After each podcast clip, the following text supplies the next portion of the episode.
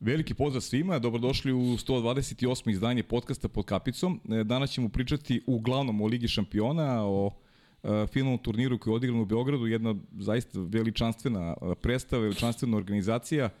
Možda je moglo da bude i više više publike na tribinama, ali dobro, to su sada neke neke ovaj druge teme, nećemo se baviti time u ovom podcastu. U svakom slučaju sjajna prezentacija vaterpola i pro reko, nažalost, treći put za redom osvoje titulu prvaka Evrope, srpski šampion Novi Beograd je drugu godinu za redom igrao veliko finale i e, svima u klubu iskrene čestitke na, na sjajnom uspehu. E, prošle godine svak klub bio bliži osvajanju evropskog trona, ove godine je Proreko bio bolji rival i naravno čestitke i svima u Proreku na još jednoj tituli. Ja danas imam ekskluzivnog gosta, imam uh, jednog od najboljih igrača sveta, uh, sigurno u istoriji sporta, uh, Duška Pjetlovića, čoveka koji je obeležio kako e, srpski vaterpolo, tako i svetski vaterpolo, neko ko e, je i danas e, među vodećim igračima i to je sad ona priča koju često apostrofiramo i Nikola Rađen i ja u našim prenosima, koliko traju, evo, momci koji se bliže i 40-ima i dalje vedri i oblače svetskim vaterpolom i eto imali ste priliku svi koji ste bili na bazenu Vlaho Orlić da eto prisustvujete ovaj demonstraciji onog vrhunskog vaterpola i danje u izvedbi Duška Pjetlovića. Duško, ajde za početak, pošto sam se ovako na, na ovu temu nadovezao, kako izdržavaš, odakle motivi i kako se nosiš sa svim tim klincima u bazenu? Prvo, hvala na lepim, lepim nečima, stvarno. Nije me neko ovaj, najavio ovako, ovako ovako grandiozno. Ovaj, kako izdržavam? Nije, nije, neki, nije mi neki problem fizički, pošto realno treniram, treniram već 30 godina ovaj sport i to je jedino što znam da radim, da kažem, rutinski, tako da uh, fizički nije problem, psihički malo malo teško pada godinu za godinom, isti uh mhm. -huh. problemi, isti, isti situacije, isti pritisci, ali, ali generalno ne vidim, ne vidim da, da imam neki problem, da, da, da, još nisam osetio da imam problem da se posvetim sportu. Uh mhm. -huh. Ali opet meni nekako, baš mi je, baš mi je to interesantna tema, jer nisi samo ti, već, već i generalno i, i momci iz tvoje generacije. Gledamo Filipe Perona koji se adaptirao popuno drugačija igra kad je otišao Granados, prvi, prvi strelac Lige šampiona, bukvalno do, do tog finala kada je, kada je Granados preuzeo to, to ajde da kažem, laskao priznanje i, i mnogi, ajde da kažem, oci, evo, prešuti koji su oprosti u 42. godini i dalje igrate, vi pravite razliku i dalje i to je nešto što je meni impozantno. Da, ali, ali mislim da će to još da se još da ide gore. Mislim da generalno u sportu vidimo uh -huh. i, i u svim drugim sportovima kako je bilo ranije u tenisu sa 30 godina redko ko je preko 30 uh -huh. godina igrao. I mislim da će to da se pomera s obzirom da i medicina i, i, i iskrana i svašta, svašta je napredovalo mm -hmm. u sveukupnom svetu. Što se tiče sporta, sportska medicina je baš napredovalo poslednjih 20 godina ekstremno i ovaj i mislim da će da će to još da ide gore kad kad mi odemo ovi ovi mlađi će sigurno da da da i duže traju. Ovaj meni meni je nevjerojatno da toliko dugo mi trajemo s obzirom na na nivo vaterpola kako se nivo vaterpola podigao u fizičkom smislu, fizički mislim zahtev zahtevnije mnogo nego kad sam ja počinio da igram, kad sam mogao da igram celu utakmicu bez problema da se zadišem. Sad ne mogu ni 3 minuta da spojim da se da, da se da se ne umorim prilično ozbiljno. Tako da i meni je neverovatno da cela ta moja generacija nastavlja da se bavi fizički, da se da se da, da, da može da izdrži ovaj, ovaj nivo vaterpola, pogotovo što se igra toliko utakmica, toliki broj utakmica, kako nabijaju ovaj tempo utakmica u poslednjih par godina, ovaj, mislim da je, da je sumanuto, ali, ali kažem, sigurno da, da smo imali tu sreću, da, da, da, da smo se rodili u toj generaciji gde, gde je vaterpolo negde napravio u tom, tom nekom uh, fizičkom smislu ili, ili nek, nekom, ne, ne, ne znam kako da objasnim smislu, ovaj, da je napravio ozbiljan bun. Uh mhm. -huh. Ozbiljno je teško igrati i ozbiljno je, ozbiljno je naporno, ali opet je mnogo zanimljivije s obzirom na broj golova i na broj, na broj akcija i na, na sve što, što prati Waterpolo. Uh mhm. -huh. A kaži mi kako, ajde, kako, kako ti izgleda jedan, jedan dan sada kada, kada si ovaj svestan da možda i, i, i, i život moraš da, da, da prilagodiš malo da ga da ga uvedeš u neke u neke drugačije oblike da bi da bi mogao da da izguraš ali taj neki neki dnevni ritam. Pa dobro, i, mislim, od, od kad znam za sebe, treniram dva put dnevno. To je to. Zato i kažem, nije neki problem, uh mhm. -huh. ništa mi se nije promenilo, samo uh, je način pripreme malo malo drugačiji. Svako ko misli da je, da je dovoljno dva treninga dnevno i da dođeš i da odradiš, da, da, da, da odeš u bazena, nije. Naravno da nije dovoljno, mora da se ranije sebi i van bazena i da se dođe pre treninga i da se ostane posle treninga. Razne stvari su potrebne za, za, za održavanje nivoa kvaliteta, pre svega a da ne kažem napredak za, za, za mlađe, dosta ljudi to, dosta ljudi to i ne, ne, ne prepoznaje, to je naša generacija stvarno prepoznala i stvarno nivo posvećenosti sportu je u mojoj generaciji, slobodno mogu da kažem, jedan neverovatan, tako da, tako da mislim da je to najviše, najviše nama, nama dalo da kažem vetar u leđa da, da, da održimo ovaj nivo ovaj nivo ovaj e, vaterpola i ovaj nivo fizičke spreme i, i mentalne mentalne pripremljenosti za, za sport. Jedno naj, najčešće pitanja koje se ponavljaju, ovaj, pošto je mnogo, da, da kažem, interesovanja izazvala ovaj, emisija, moment kada sam najavio da ćeš biti gost, Duško, do kada? Ba, nemam pojma. Mislim, još nisam odlučio da li sam već završio ili nisam završio. Da ima, ima dosta, dosta tu stvari koje utiče prvo da li ja mogu mentalno da podnesem još jednu sezonu. To je, mislim, fizički stvarno rekao sam već mogu, mogu nisam još uvek odlučio, ni ne znam ni kako klub gleda na, na, na to kako sam ja igrao, da li sam igrao, nisam još ni s njima imao, imao ovaj, razgovore. Sigurno da ću, da ću zajedno s njima doneti odluku u, u tome kako, kako, kako i na koji način će se ponašati sledeće godine, ali, ali ovaj, dalje od sledeće godine sigurno neće. Je tako, znači možda još jedna i... Pa generalno im, imam i ugovor još uvek sa, da. sa Novim Beogradom, još jednu godinu imam ugovor, tako sam nešto i planirao da završim, ali ovaj, i svake godine sam nekako razmišljao na kraju godine da li ću ili neću i na kraju naravno odlučim, teško je teško oprostiti se od nečega što znate, što, što je moj život u stvari posljednjih koliko igram profesionalno, ne smijem da pomislim koliko igram profesionalni sport. Ovaj, pa skoro 20 godina. Ovaj, u stvari ne, više od, kako, A više od 20? Više od 20, 24 godine, 14 godina sam prvi put odigrao no.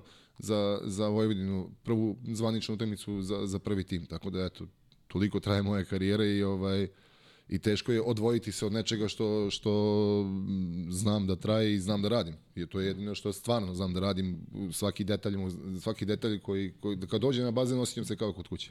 E, tvoj, e, tvoj kuma, moj kolega Nikola Rađen ovaj, je u, u direktnom prenosu rekao da e, i kaže Duško igra Ligu šampiona od, 2002, od 2004. godine. Je tako? Ne, 2002. smo mi došli u, u Nikola, Nikola, ja i, i Gojko smo uh, zajedno došli u, živjeli smo zajedno u Partizan. Uh -huh. Ne znam da li smo te, te godine igrali Ligu šampiona, se stvarno ne ti kažem, da, ali, verovatno ali... 2004. Možda smo, možda smo tad, te godine igrali neki, neki drugi rang, pa sledeće uh -huh. godine Ligu šampiona, ali da, od tad igram Ligu šampiona, da, dugo, dugo, baš dugo traje. 20 godina. Pa. Ajde, pričat ćemo još nešto ovaj, kasnije o, o, o, o, o, o, o karijeri.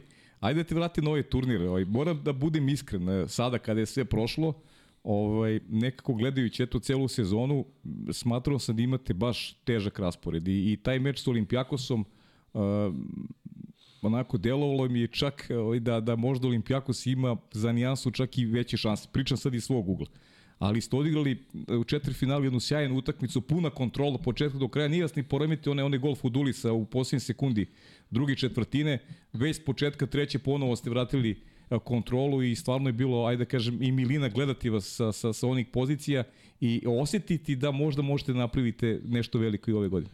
Pa, prvo jesmo napravili veliko, dva put zaradom, mm -hmm. finale Lige šampiona, malo sam ih igrao, mm -hmm. nije, nije, nije, nedovoljno koliko sam mislio da ću igrati da. u životu, ali uh, imali smo, za, zašto, ni, zato ti nisi imao taj, taj osjećaj će zato što uh -huh. smo imali stvarno burnu sezonu. Yes. Imali smo ekstremne, uh, ekstremne padove u toku sezone, što u toku sezone, toliko i u svakoj utakmici. Imali smo utakmice gde prijemo za jednu četvrtinu pet golova, gde vodi protiv Juga iz Dubrovnika smo yes. jednom četiri gola razlike na, na početku četvrte četvrtine gde smo iz, na kraju izvukli nerešeno.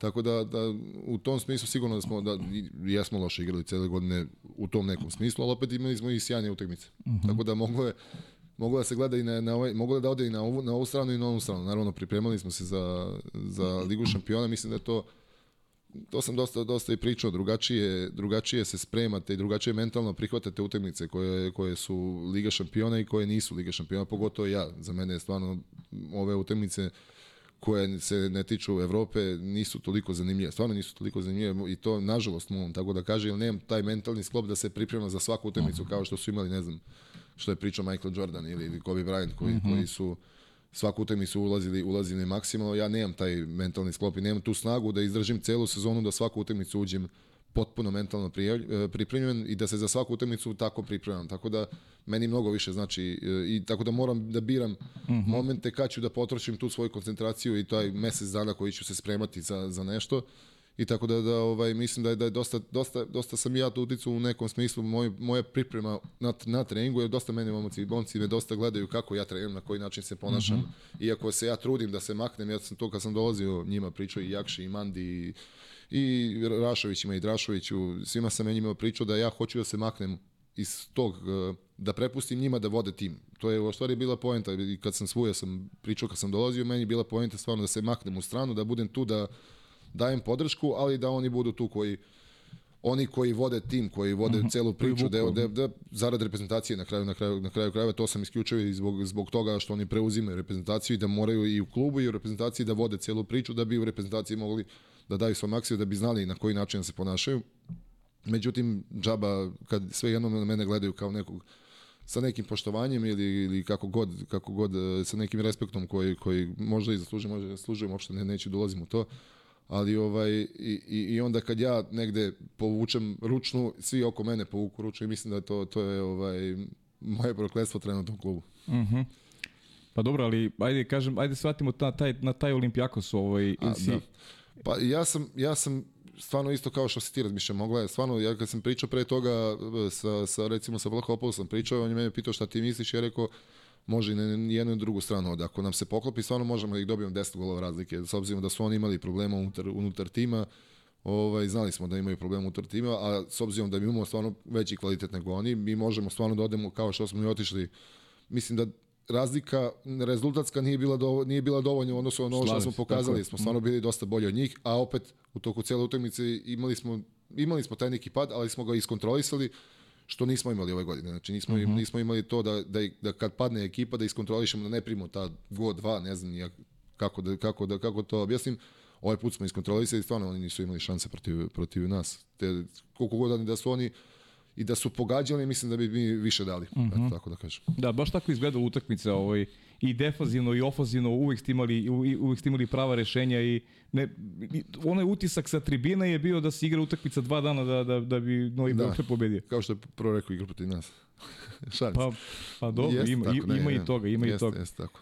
Ali između, između ovaj, Olimpijakos je pro reka iz mog ugla najbolja utakmica na turniru. To je, to je polufinale protiv uh, sjajne ekipe Barcelonete, uh, Barceloneta koja je jednom momentu imala 5-2 da. i uvek od tog rezultata 5-2, setim se one, one stare, one generacije Igora Milanović još koji su često u on, onom periodu dominacije e, i na olimpijskim igrama 84. imali to 2-5 protiv Amerikanca i često se to kroz ajde da kažem istoriju srpskog vaterpola tih 2-5 i uspevao da se preokrene ovaj kasnije u pobedu tako da ste i vi tih 2-5 uspeli na kraju da da, da ovaj... uspeli smo da, da preokrenemo na kraju smo i čak i primili glob go. Znači da, da, da onaj, onaj, onaj kontra, kontra koju, koju je Drašović šutnuo, što nije, nije, nije bitno sad ko je pogrešio i kako je pogrešio, ovaj, e, tu je bio taj mali pad koncentracije koji smo trebali, tu smo trebali nekoga da završimo utakmicu mirnije, da smo otišli na penale, da je moglo da bude svašta, ali ta utakmica stvarno bila dobra u smislu kvalitetom i, i, i ovaj, željom i jednih i drugih, stvarno je bila, i, divno je bilo igrati, naporno mhm. naravno, naporno naravno, ali jako zanimljivo, jako, jako, jako lepo utakmica, to je ona utakmica što stvarno, stvarno koje se sećate na kraju, na kraju Just. karijera. Mhm. -huh. Kao utakmica polufinala uh, olimpijskih igara u Tokiju, mislim, to je jedna naj, naj, najtežih utakmica u mom životu, ali opet nje se najviše seća. No, o tome ćemo pričamo da. kasnije. Uh, peterci opet, ajde, negde možda se vratilo, mada ne, ne u punoj meri za, za onaj poraz o projekka prošle godine gde, gde mislim da ste bili bolji rivali da ste zaslužili tu titulu prvaka Evrope prošle godine. Jesmo. Ja mislim da smo prošle godine mnogo, mnogo više zaslužili nego ove godine, s obzirom da, na, na, na ekipu i na, na, na utakmicu. Uh, ove, ove godine protiv Proreka stvarno nismo imali šanse. Mislim, jesmo. Imali smo šanse u nekom smislu da, da smo uspeli da odbrojimo nekih par golova koji su neko, svaki put kad dođemo na dva razlike imali su neki, neki go izvani koji, koji apsolutno se ne prima. Ukazao se lek.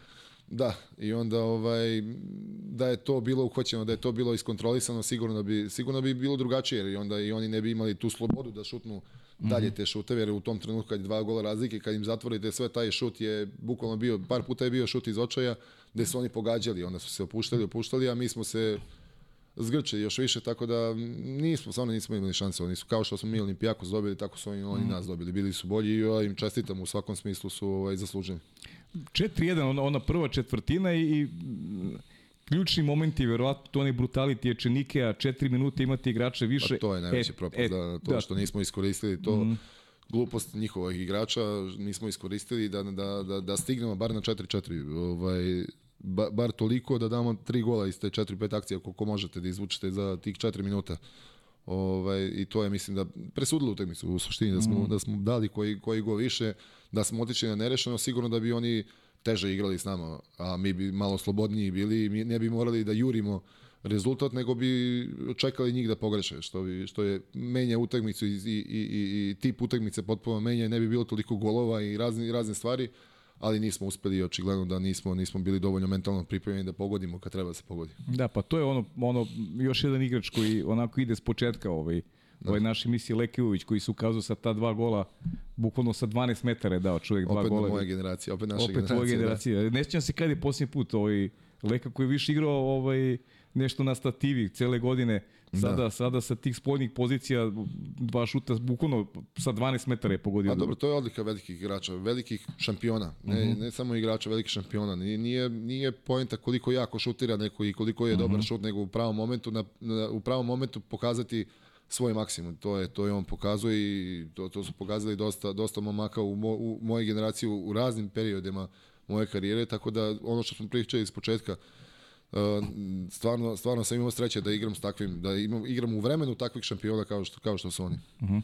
Je, znaš da si, da si mogao da, onako da si izjednači s Andrijom ovaj, ovaj, da, ove dve da, godine? Da, rekli su mi, rekli su mi, ne volim to da mi kažu pred, pred utakmici, jer ne volim da imam taj motiv, ne volim, uh -huh. volim da imam motiv te utakmice tog, tog prvenstva. Znam, znam da sam mogao da se izjednačim, ali ovaj... Da kažemo čemu je reč, mogu si da postaneš igrač koji sa četiri različite kluba osvojio titulu prvaka Evrope. Da, da, a mislim, meni je žao što nisam. Da, pa dobro, ali eto, ako se opredeliš imaćeš još, još jednu šansu, ako se opredeliš za igranje. Pa ako se opredelim za igranje, ako se dogovorim sa klubom, sigurno da, da ću ići na to, da će mi to biti poslednja šansa da, da, da se izjednačim. Mada, opet kažem, ne gledam na, na taj način. Meni je žao, iskreno, meni mnogo više žao što nisam ovaj, stigo neke druge neke druge koji su osvojili šest Liga šampiona u svom životu. Aha. Mislim da mi to, to bi bilo mnogo lepše, ali, ali dobro, karijera je, meni, nisam nezadovoljan svojom karijerom. Da, da, pa dobro, ali znaš što je meni super, što tebi i dalje ovaj, kao magnet nego što te priloči ovaj, upravo to da, da, da možda eto pa, još, još nešto upišeš ovaj... Pa najlepši motiv, motiv, sportski motiv je najlepši motiv. Mm -hmm. Prvo, najlepša stvar u, u, u, ono sve što ja znam u životu, najlepša stvar je sport, jer tu je stvarno E, koliko para, toliko muzika, koliko uložite vremena, truda, posvećenosti i svega što, što ide u sportu, toliko i dobijete. U drugim sferama života nije, nije to baš tako, dosta stvari može, ali ovde se onako prosto je, prosto i jednostavno ko je bolji, taj pobedi, nema, nema, nema ovaj. I, to je, i, to je divna stvar u, u vezi sporta i kad imate motiv, sigurno je mnogo, mnogo lakše, mnogo lakše mm. nego kad nemate motiv. Ja sam osetio par puta sezone gde nisam imao neke motive, gde je stvarno teško ustati iz kreveta, otići na bazen kad znate da ćete tamo biti mučeni od strane trenera. Da. Ali ovaj ali ali bez tog nekog motiva mislim da ne može ne može sport, jedan sportista ne može ne, ne funkcioniše. Znaš kako mnogi koji su jedili tu su pričali ovaj o tebi sa ne samo sa velikim poštovanjem, već su te okarakterisali kao onako pravu avangardu kada govorimo o, o poziciji centra na koju ti igraš. E, sad ću sad, da, da, ajde da kažem da, da termine plovan, snažan, podjednako dobar i na 2 metra, može prvi da ispliva kontru, da si neko ko je promenio ovaj tok savremenog vaterpola, kako ti vidiš ceo turnir, radi sad da se malo fokusiramo na tvoju poziciju. Kako vidiš igrače danas na tvojoj poziciji, eto, ko, ko skreće neku pažnju, ko se tebi sviđa, kako ti izgleda, kako ti izgleda ovaj, ajde, ta vrsta, ta vrsta poređenja? Pa, moja pozicija se baš mnogo promenila u, u, u, u toku moje karijere. Stvarno, razlika je velika između igrača. Prvo, ja nisam fizički, ni, ne izgledam kao centar. Nisam, mm -hmm. nisam, nisam niti imam 2 metra, ni imam, 100, ni imam 150 Tako. kila. U to mm -hmm. vreme stvarno su bili svi centri, ako nemate 2 metra i 150 kila, to je traljavo. Ja sam morao na drugi način da se borim protiv toga, ja sam morao da, da budem pokretljiv, da budem e, da nemam problem u odbrani, da mogu da igram sve pozicije, da a opet da sam efikasan u napadu i onda sam morao u svoj nišu da nađem u, u sportu. Mm -hmm. I naravno vremenom, naravno, ali srećom vremenom je ta niša postala sve, sve prihvatljivija u toku, u toku moje karijere i sad je to jedna od, od bitnih stvari da centar može da igra sve pozicije, da može da bude plovan, da može da, uh -huh. da, igra, da, da igra i odbranu i napad, da može da stane i na beka i da može da šutne s polja i razne stvari koje sam ja forsirao od početka, od početka svoje karijere da budem jer sam morao jer kažem nisam imao nisam imao tu fizičku, fizičke odlike da, da, da budem pravi centar. Tako da kažem, imao sam možda i sreće da se to sad traži. Sad je to daleko drugačije centar kao centar je malo, malo ovaj, drugačije nego što je bilo, mm -hmm. da mhm. kažem. Lakše se dobijaju isključenja nego što se ranije dobijali isključenja, dosta lakše i ovaj, to koliko god meni da pomaže, mislim da ne pomaže toliko centarskoj poziciji jer se Uh, najbolji od uh, najloših uh, smanjuje se smanjuje se ta razlika mm -hmm. i smanjuje se uticaj centra na igru što je za sport možda i dobro ali za, za kao cent, za, za sudije još i bolje, jer mogu mm. da odlučuju kako hoće, ali za, za, po, za poziciju centra, ovaj, za poziciju centra sigurno da, za ozbiljne centre sigurno da je, da je bilo, da je, da je problem. A opet na kraju se ozbiljni centri pokažu. To je opet ono što smo pričali. Na kraju utakmice najbolji najbolji dođu dođu do izražaja. Naj, najbolji uvek na kraju uvek na kraju mal, ta mala razlika pobeđuju finala. Uh -huh, uh -huh. I onda, i onda ovaj, sigurno da ima dobrih centara, recimo ovi, ovi Grci stvarno stvaraju nevjerovatno centre, oni imaju ozbiljan, ozbiljan ovaj, kadar u centrima. Nikolaidis. Nikolaidis se stvarno ovde pokazao jednu dominaciju, pa opet i Kakari. ovaj momak i Kakaric, Kakaric i da. oni stvarno, stvarno svaka im čast. Uh, ali meni je recimo žao što naši centri nisu došli do izražaja ovo, ovo, ovo prvenstvo, ni, ni Ubović, ni Đole, Ubović nije ni bio u ekipi. Nije igrao prvu uopšte, da. Da, a Đole, Đole Lazić poslednje dve četiri nije ušao, a Đole mm. Lazić je po mom mišljenju jedan budući centar, da kažem, budućnost u, u, mm -hmm. u mhm. centru i on stvarno iako kao ja nije nije toliko fizički, mislim da on treba bi više da radi na fizičkoj snazi, ali nije dovoljno fizički, on ima stvarno veliku kreaciju, kreaciju, mm -hmm. kreativan je u igri, lako vidi stvari, ponaša se lepršavo i razume vaterpolo mnogo bolje nego nego većina centara i mislim da će on mislim on je za mene i njemu sam to godina pričao, ja sam mm -hmm. njega mhm. stvarno forsirao poslednjih par godina i na treninzima kad smo bili u Solnoku, dosta sam mu, dosta sam mu pričao, jer mislim da on stvarno može da napravi velike stvari. I što je dokazano na olimpijskim igrama gde je stvarno, da je stvarno odigrao majstralno. Da, da, super. Znači, dobro, to Kakaris, Kakaris koji ide i pro Reko. Pro da. Reko je već... Pa dobro, oni su, oni su, oni su naj, naj finansijski najstabilniji klub u, mm -hmm. u. Evropi već godinama i oni uzimaju samo stvarno uzimaju najbolje igrače kako se neko pojavi tako ga povuku kod sebe i sigurno da je on on dokazao se da, da, da, da, da, da je sjajan centar i mislim da nema šta. Oni će, oni će da budu, Grci će da budu stvarno jedan, jedna ozbiljna sila u narednih par godina u Vatrpolu.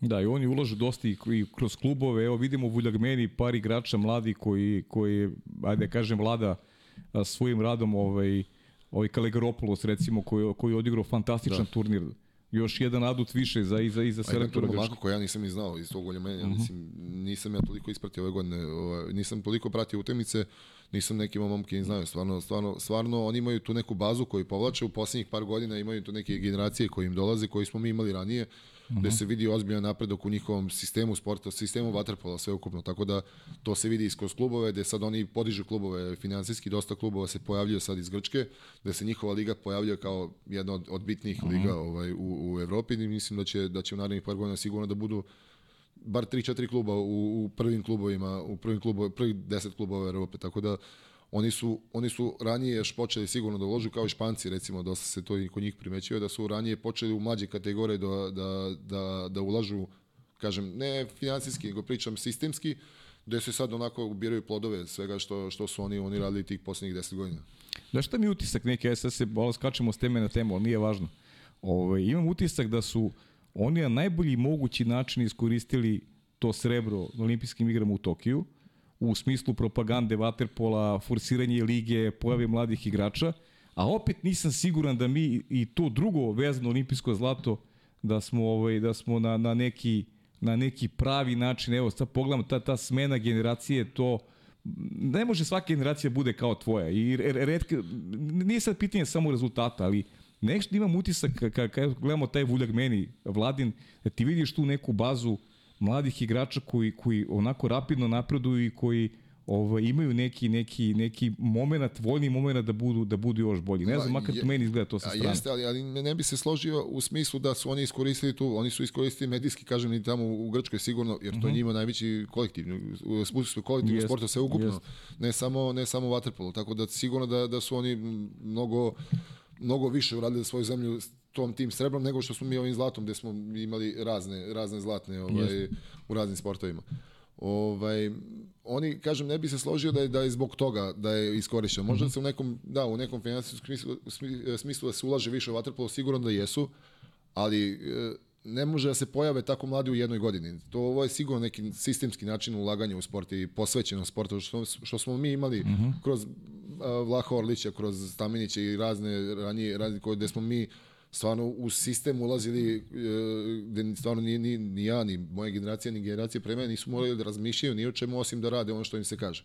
Tako da oni, oni su to videli nas, svi su to videli nas, pa i Nikoli Stamenić je bio bio u Grčkoj, tako? Jeste, da. da. od tad su oni počeli da, da stvaraju neki sistem i, i Francuzi isto dosta igrača koji, koji sad igraju reprezentaciji radilo sa Stamenićem i to su genijalci ovog sporta koji su koji su stvarno napravili razlike gde god da se pojavili napravili su razlike. Tako da, tako da sve to ima ne, neku, nekako, ništa ne može preko noći, ništa ne može u godinu dana se reši, ali oni su stvarno, dugo, dugo se ulaže u, u te mlađe kategorije i zato, zato ovi momci koji dolaze tek sad onako isplivavaju i tek će da budu dominanti. Kako ti izgleda, ajde kaže, ta neka srpska vaterpolo scena, pre nego što se vratimo još malo na Beograd, ovaj, s obzirom da si tu sada dve godine?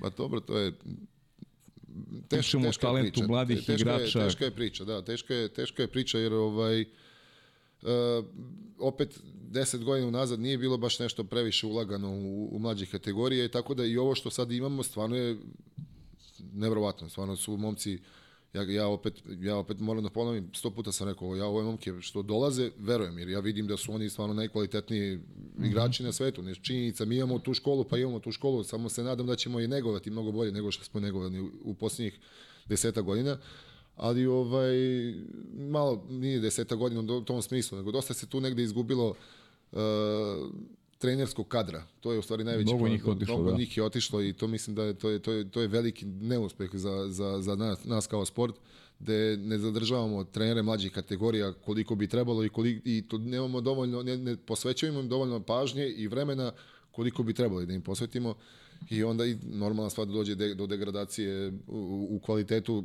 mladih igrača koje koje dolaze, ali opet na stranu to mislim da imamo ogroman potencijal u, mlad, mlađem kadru. Ja sam par puta gledao ovaj, te utakmice mlađih kategorija. Mislim, nema šta mi, ja smo država, država to je zemlja sport, vaterpola, koliko god da se okrene, mi stvarno imamo, imamo tu tradiciju gde se, gde se zna šta je vaterpolo i gde se zna, gde se zna poštovanje. Gde sad meni deca treniraju košarku, ja vidim kroz košarku kako, kako je, ovaj, mislim, oni su veliki sport i sve to, ali mnogo se to ozbiljnije radi i sada u mlađim kategorijama nego, nego, nego u košarci. Oni su mnogo veću bazu, imaju sportovanje. Mi smo tek koji četvrti, četvrti sport koji deca, peti sport koji deca biraju. I mi mm -hmm. imamo mnogo manju bazu, bazu dece da, da izaberemo najbolje, ali, ali način na koji se radi s decom i na način koji se radi na disciplini, na odgovornosti, na obavezama, na raznim stvarima, ne sme, ne sme, mislim kako da mislim, kod nas se gleda, kad sam ja bio mlađi i ja mislim da i dalje tako, da se gledaju i ocene dece, ne može se dođe na, na, na, na trening ako ocene nisu korektne a, u, u najmanju ruku i razne stvari i trenira se mnogo više nego klinci treniraju svaki dan. Moje mm -hmm. deca treniraju tipu nedeljno. To je i to po dva sata. Moje deca treniraju sat vremena košarku. I onda je tu vidim kroz ono što sam ja prošao u životu i kroz svoju decu vidim koliko je se ozbiljno radilo sa mnom i koliko se ozbiljno radi u vaterpolu. Tako da ne, ne bi otpisivao srpski vaterpol u tom smislu u mm. budućnosti. Ne bi otpisivao jer stvarno se mnogo radi s njima. Pa dobro, ti imaš i primet, ti možeš i da, goj, da, da. Goj, Gojko sin. Pa ja vidim kako je njemu. Ja vidim kako Gojko je njemu. sin trenira vaterpolo, tako da. Da, on njegov sin trenira vaterpolo, ja vidim kako je njemu i koliko on trenira. Ja, ja se ne sećam meni je bilo toliko teško ali kad bolje razmislim, bilo mi je možda čak i teško, pošto ja njegove vreme i dva put dnevno išao. Kad imam školu popodne, ja sam išao i ujutru i uveče na trening sa 12 godina. Tako da, ali ovaj, ja to nisam u tom trenutku tako shvatao teško. Pretpostavljam da je ovo ne shvata, ali ja vidim da je to jako naporno i koliko je zahtevno svaki dan. Oni onda vikendom opet imaju još duže treninge, još teže treninge i utakmice. Tako da ovaj teško je, teško je, ali opet kažem, vidim, vidim da se stvarno ozbiljno radi sa decom. Do, možda znači još neki Kjetlović može da ovaj na poziciji centra ovaj Pa da, daće Bog, za, za, za talasa ovaj svetsku scenu. Njegova je želja bila, bila da bude ovaj da bude centar i ovaj vidim da se stvarno trudi dete. Šta će da bude, kažem, ne ne bi da, da. da pravim njemu pritisak niti želim da ne želim da budem jedan od onih dosta roditelja ima u danas u, u današnje vreme da se ljudi bave decom kao da su kao da su investicija, a ne kao da su mm, tako deca. Je, tako je. I ja ne želim to, da ne želim ni svoje dete, ne želim ni, ni bratovo dete da na taj način da gledam, tako da šta god da bude, ja ću biti presrećan. Ma neki živi zdrav, neka prati svoj, tako je. svoje puteve. E, kaži mi Novi Beograd, koliko si, ajde, eto dve godine si, si u tom sistemu, koliko si zadovoljan ovaj, generalno klubom, sezona ova, rekao si, bilo je amplituda ove godine, zaista pogotovo se to nek dostikalo kroz, kroz kup, mada ona Jadranska liga, to je, to je opet i taj penal, penal rulet, neka, neki specifičan moment kada se turnir odigravao, pa pitaću te nešto kasnije tu iz Jadranske lige, ajde malo, malo o klubu i, i, i, pa, i, i sezoni. Ja, ja mogu, mogu da kažem da je stvarno klub pa sigurno najbolje organizovao klub u kojem sam ja bio. Stvarno ovo je mhm. stvarno uh, organizaciono i, na, i uslovi za rad i sve što se što oko kluba se dešava stvarno je savršeno. Ja nisam u, u boljem klubu u tom smislu bio. Uh mhm. -huh.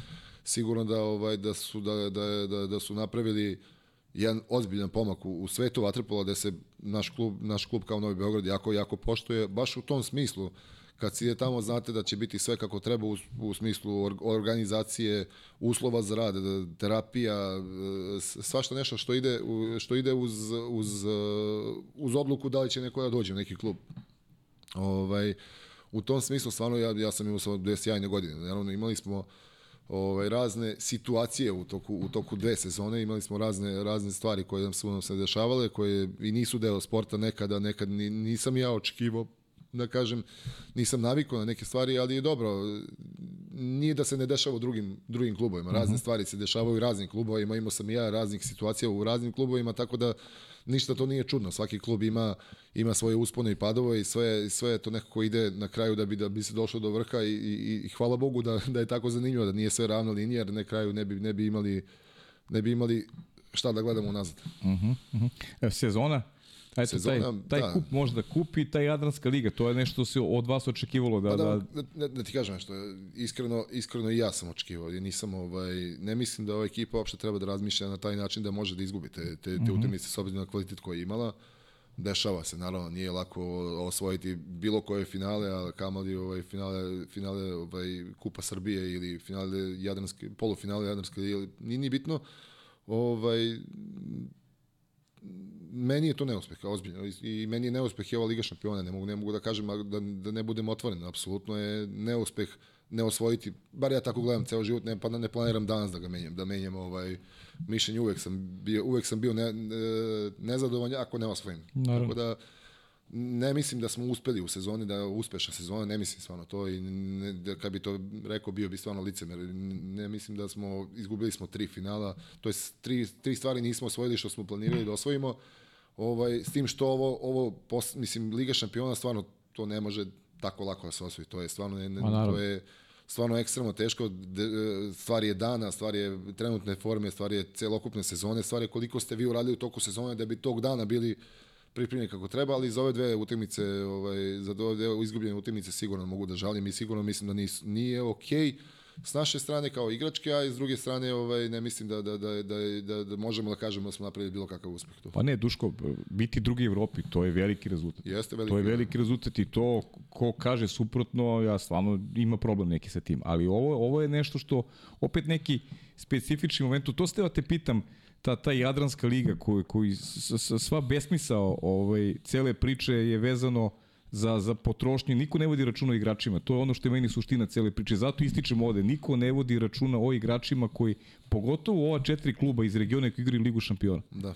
Vi nemate, vi imate samo od, od, od imate štetu od, od Jadranske lige, nemate nikakvu korist. Pa ja ka, mislim, evo, samo, samo činjenica da, da selektor ne može da, okupi, da okupi uh, ekipu, na, ne može da uhvati tri dana sebi da, da vrati sve igrače da okupi ekipu je veliki udar na, na, samo na, na našu reprezentaciju. Ove, ali vi imate situaciju da je Jakša, koliko je posljednjih, znači on je mlad čovjek, ali istrošen, jako istrošen, mm -hmm. imate problem da dečko nije igrao 3-4 mjeseca, za cijelu sezonu nije 3-4 mjeseca, on nije mogu uopšte da igra zbog povreda. Tako je. I kako se vrati, tako se ponovo povredi, znači nema vremena da, da se odmori, nema vremena da, da, da oporavi svoje telo, i ovaj, a fizički je konstantno naporno i ima mnogo utakmica, Jadranska liga, mislim, možda da je, mislim, ja verujem u to Jadransku ligu u smislu da stvarno treba, da tu, tu za nas nije toliko dobra, ali za mlađe, za manje klubove je jako dobro da se, da se stvarno sa, sa ozbiljnim, ozbiljnim klubovima takmiče, da kasnije ti mladi treba da budu da se naviknu na, te, na taj nivo vaterpola, da se naviknu na ozbiljne utakmice. U tom smislu stvarno nije loša Jadranska liga. Format je od, odvratan, znači Sam, format samo je užasan. formatu i format pričam. je užasan. Ja ne znam uopšte koga je smislio da se igra 5 dana, u 5 dana pet utakmice, to je to u mlađim kategorijama kad sam bio pa nismo radili, to je stvarno ovaj fizički teško i nemoguće, nemoguće Drugo, i ovo sad, i ovo sad što smo imali uh, tri, da, tri, prošle godine, tri, tri utakmice za tri dana, ta treća utakmica ne liči ni nešto. Već treća utakmica ne liči ni nešto. Nije to, nije, nije primjer kako sport treba da izgleda. Kao, kao neko, kao sportista ja očekujem da pokažem najbolje što mogu u svakoj utakmici koju igram ali ne mogu da pokažem kad ne mogu jednostavno fizički da se oporavim do utakmice i onda sigurno taj format je jako. Ne znam šta će biti sledeće godine, šta su odlučili, na koji način će se igrati. Ne znam. ne znam, ovaj, ne znam kako su i šta su smislili s obzirom na, na, na pretrplja, da pretrpanost sledeće godine ovaj, raznim prvenstvima. Pa da, liga, ligaški deo će biti mnogo kraće, klubska tako, sezona će biti mnogo kraća. Tako je, tako je, to će biti stvarno, stvarno ne znam na koji način će se Jadranka liga igrati. Dopa će da stave, ne znam koliko će, 12 dana, 12 dana da traje jedno prvenstvo, 12 da. utakmice po ko osvoji, ne znam, ne znam, point, ne vidim point uopšte u, u, tom, u tom načinu, načinu igranja.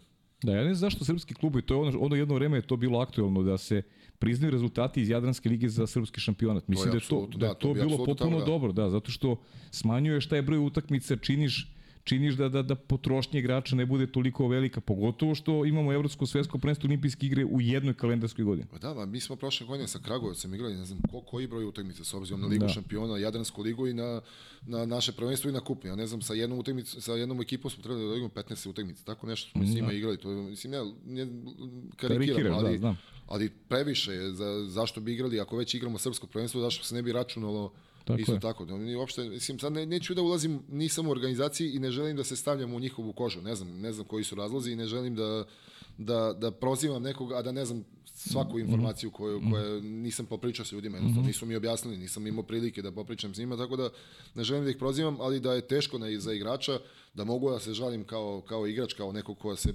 koji živi sa momcima koji su koji su stvarno rastu i treba da još da, da, da, da igraju još 10 godina, 10-15 godina, mm -hmm. treba da igraju ovaj sport.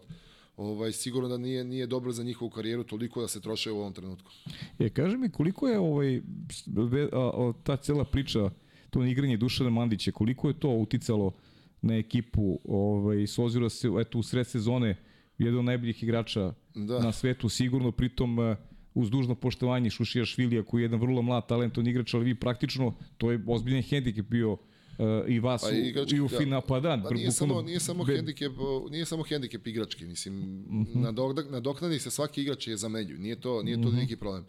Uh, manda je bio kapitan, stvarno bio posvećen, ovaj, posvećen tom poslu i, i igranju i bio je šok jedan veliki za nas i to je, mislim, ja prvi nisam znao kako da se postavim, nisam, nisam, ovaj, nisam očekivao, jednostavno grom iz vedra neba se desilo se nešto što nisam očekivao u najluđim mm -hmm. slovima da će se desiti i dalje ne znam kako bi se postavio, da me sad vratite u to vreme, ne znam na koji način se postavim, jednostavno mm. nije, ja, ja sa ovim, u ovim godinama i sa ovolikim iskustvom nisam znao, mogu da zamislim kako je bilo mlađim igračima i ovim momcima koji to prvi put doživljavaju na, u bilo kojoj formi. Tako da to je sigurno bilo teško za ekipu. Koja je bila, koji je bio smisao, ne znam, mislim nisam ni, ni pričao da, i ja da. sam se sa životom sam se još iz Solnoka dogovorio da imamo, da imamo odnos trener i igrač i ja to, i takav je odnos najbolji u suštini kad se zna svako, kad svako radi svoj posao, znamo, znaćemo i ko je odgovoran i ko je zaslužan. Mm -hmm. I tako da smo se tako i postavili od početka da ja stvarno ne pitam, ne pitam ni, ni koja je ti odluka, ni pričam s njim o tome mm -hmm.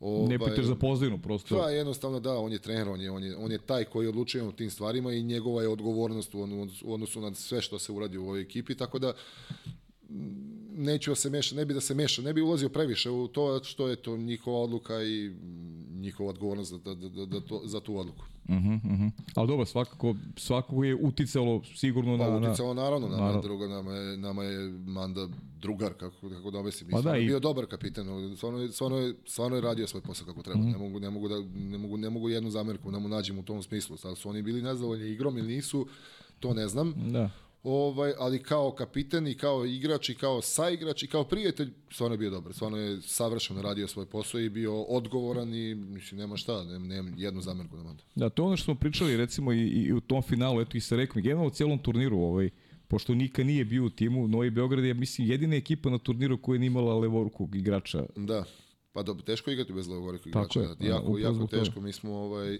dosta utakmica, dosta utakmica smo uh, kao reprezentacija planirali na taj način kad protiv nekog igramo ko nema levo levorku igrača da se igra na, na taj neki na neki način kao I, Grčka u finalu Tokije. Tako je, ne mislim nemaju jednostavno tu tu tu nemaju jedna strana je odsečena, malte ne odsečena mm -hmm. od od te ubodne igle, da kažem i nema nema nema tu velike opasnosti, skoncentriše se na na drugu stranu se skoncentriše cela odbrana i onda je sigurno mnogo lakše ekipi koja igra protiv da, da, da, da mislim, protiv nekog ko, ko nema levork, da, da organizuje celokupnu igru. To se zna, zato, zato su i toliko ti igrači toliko traju, toliko su propraćeni, toliko mm -hmm. su, toliko da ne kažem toliko koštaju, oni su među najskupljim igračima, levoruk i kvalitetan levoruk igrač stvarno mnogo znači za, za jednu ekipu. Mm -hmm.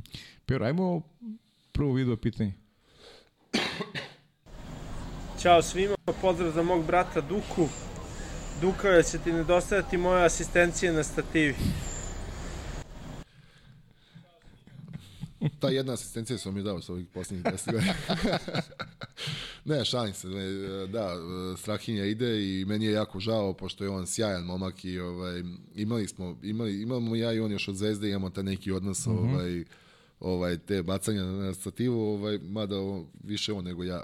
ovaj, um, ne, ne, ostajeće mi dečko, stvarno, stvarno on je, on je momak na mestu i apsolutno ne može da se zameri, e, ne može da mu se zameri jedna stvar za ove sve godine koliko sam igrao s njim i koliko sam proveo s njim, e, želim mu stvarno sjajnu karijeru u nastavku i želim mu uspeh u, u Vašašu da je otišao tamo kod, kod Bobana. Kod Bobana, da. Da, i, i, i Save, Save Ranđelovića. Tako ovaj, je, da. želim, im, želim im stvarno velike uspehe, jer tamo, i oni su lepo počeli da grade taj, taj, yes, taj tim. Da. Jesu, da, osvojili su Eurocup. Tako je, igrali su, igrali su dobro, osvojili su, nisu, da, nisu loše u prošlom mađarskom prvenstvu, ali, ali se vidi napredak i vidi se da, da taj klub ide negde. -huh. to, to se vidi, to ne može, ne može jedan klub da ne može da se stvoriti za godinu dana i jako no, teško, ali vidi se da imaju neki sistem i da, da, da će taj klub da bude dobar. Pa dobro, oni, oni čekaju ih vjerojatno i kvalifikacije. Ne znam da su izbori kvalifikacije Ligu šampiona. Ne znam koji su bili na kraju Mađarsku. Mislim da su bili četvrti. A, onda ništa. Onda neće igrati kvalifikacije Ligu šampiona. Da, da, opet igraju opet ovaj branići da, trofeju. Branići trofej. Pa branići trofej Eurokupu, da. I ako osvoje dva put zaredom, ne znam koliko je to ljudi, koliko je to ekipa uradila. Da, I to, je, je tačno. Da. E, malo pa si pomenuo, ono je interesantno da je to 10 godina kako je Crvena zvezda osvojila tu ligu šampiona, ti si ti si ovaj, i sa Partizanom bio šampion i sa, i sa prorekom. Možda rangiraš ovaj, u glavi ovaj, koji, koji ti više znači? Ovaj, ne mogu. Ne možeš, ne mogu, ne mogu. Ne, najmanje mi znači ova, ova prva Liga šampiona iz Reka. Nekako iz Reka, mi, da. da. Nekako mi je... Uh, ta sezona je bila jako čudna, jer tad je rekao stvarno pokupovao sve što se može pokupovati. Mi smo imali 22 igrača na rosteru u, u, i imali smo dve ekipe, jedna ekipa je igrala Ligu šampiona i Jadransku ligu koju je tad mm -hmm. rekao igrao. A druga ekipa je igrala kup i prvenstvo Italije. Tako da mm -hmm. malte ne smo, nismo ni gledali s momcima, nismo se ni gledali s momcima iz druge ekipe. Mi smo bili skoro svi stranci i onda par, u te, par, par igrača pokupimo za Ligu šampiona i stvarno smo bili odvojeni potpuno, kao da smo imali dve dve različite ekipe za, za, za četiri prvenstva, tako da mm -hmm. jako čudna sezona je bila, posle sve, sve, smo, sve smo pustili posle toga.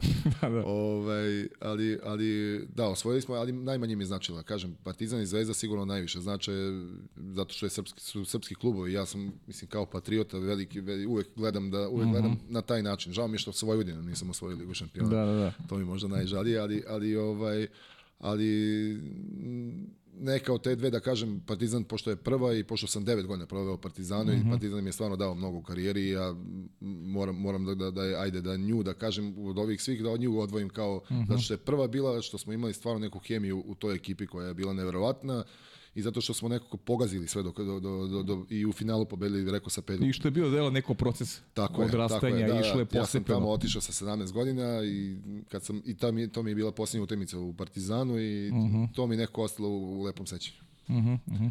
Ali, znaš da pripadate, eto vas par, nekolicina, koliko vas ima ovaj, uh, redkoj grupi sportista, ne znam da će, da će, ja bih volao da bude još njih koji mogu da se pohvale da su sa Partizanom i Zvezdom bili prvaci Evrope.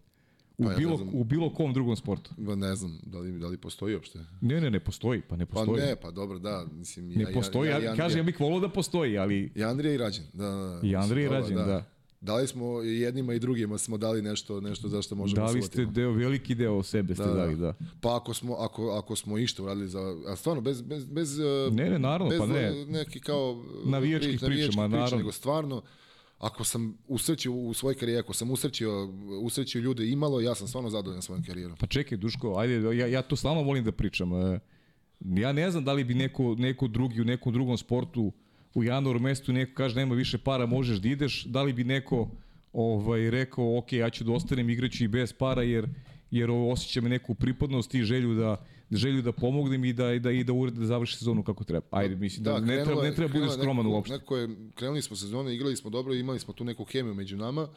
Uh, priča je bila neće biti para, vidjet ćemo na kraju sezone nešto ćemo uspeti, uspeti da iskopamo, da li ćemo, nećemo, ali to mačko rep, što kažem. Tako je. Ovaj, I onda smo seli mi međusobno i rekli šta ćemo, ajde, hoćemo da, mislim, da štrajkujemo, ljudi su otvoreno došli i rekli nema para, mislim, nije, je. i to je ljudski. Tako i to je pošteno, I to je jeste. pošteno bilo. Otvoreno došli mi nemamo para, ne znam, potrudit ćemo se na kraju, do kraja sezone da probamo da ispoštujemo, ali naredna četiri meseca sigurno neće biti.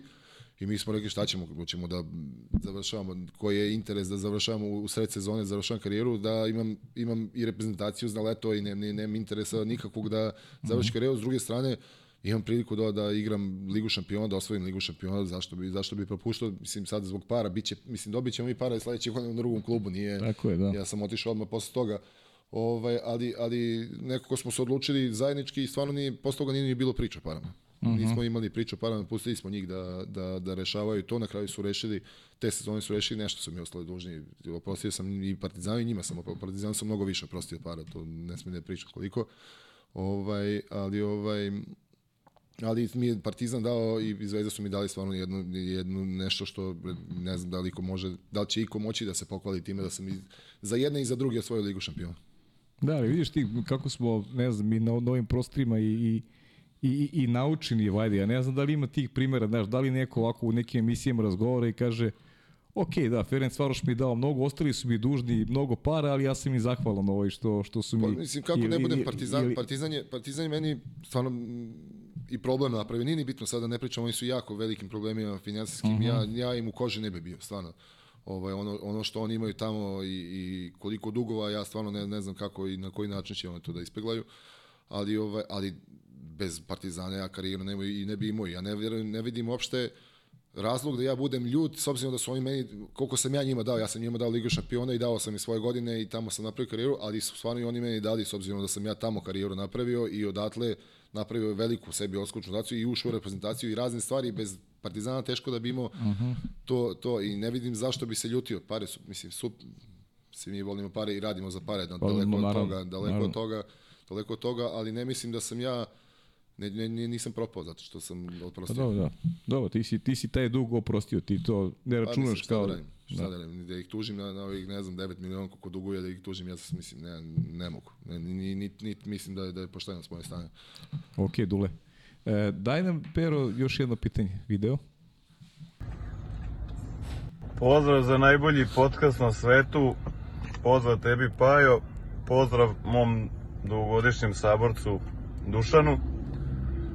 Nadam se da se iznervirao sad, pošto ne voli da ga ovako zovem. Ovaj, voleo bih da manje više ne znam šta bih ga mnogo pitao, pošto mnogo toga i znam, dugo smo bili zajedno, ali voleo bih da, da zbog ovih mlađih generacija i svih novih igrača koji dolaze da malo objasni i da opiše kako je on trenirao to kroz karijeru, kako su izgledali njegovi treninzi i da im objasni da to što traje dan danas sa toliko godina da može da igra na vrhunskom nivou da nije slučajno. Pa čisto malo eto da nam opiše kako su izgledali njegovi treninzi kroz karijeru. Ja znam dobar deo toga kako, kako je to bilo, ali voleo bi malo on da, da ovaj, objasni i opiše. Mislim da može da bude korisno i poučno za neke nove generacije. Veliki pozdrav i vidimo se. Pozdrav Miloše. Poz, pozdrav Miloše, hvala ti puno. I odlično pitanje. Vidiš, nije bilo, nije pa, bilo, ja sam očekivao nešto šaljivo ovaj, od, Da, od njega. Da, ja, od njega može si, ja. svašta šaljivo da se, Da, da, da. se očekuje. On je stvarno jedan pozitivan momak i svaka mu čast.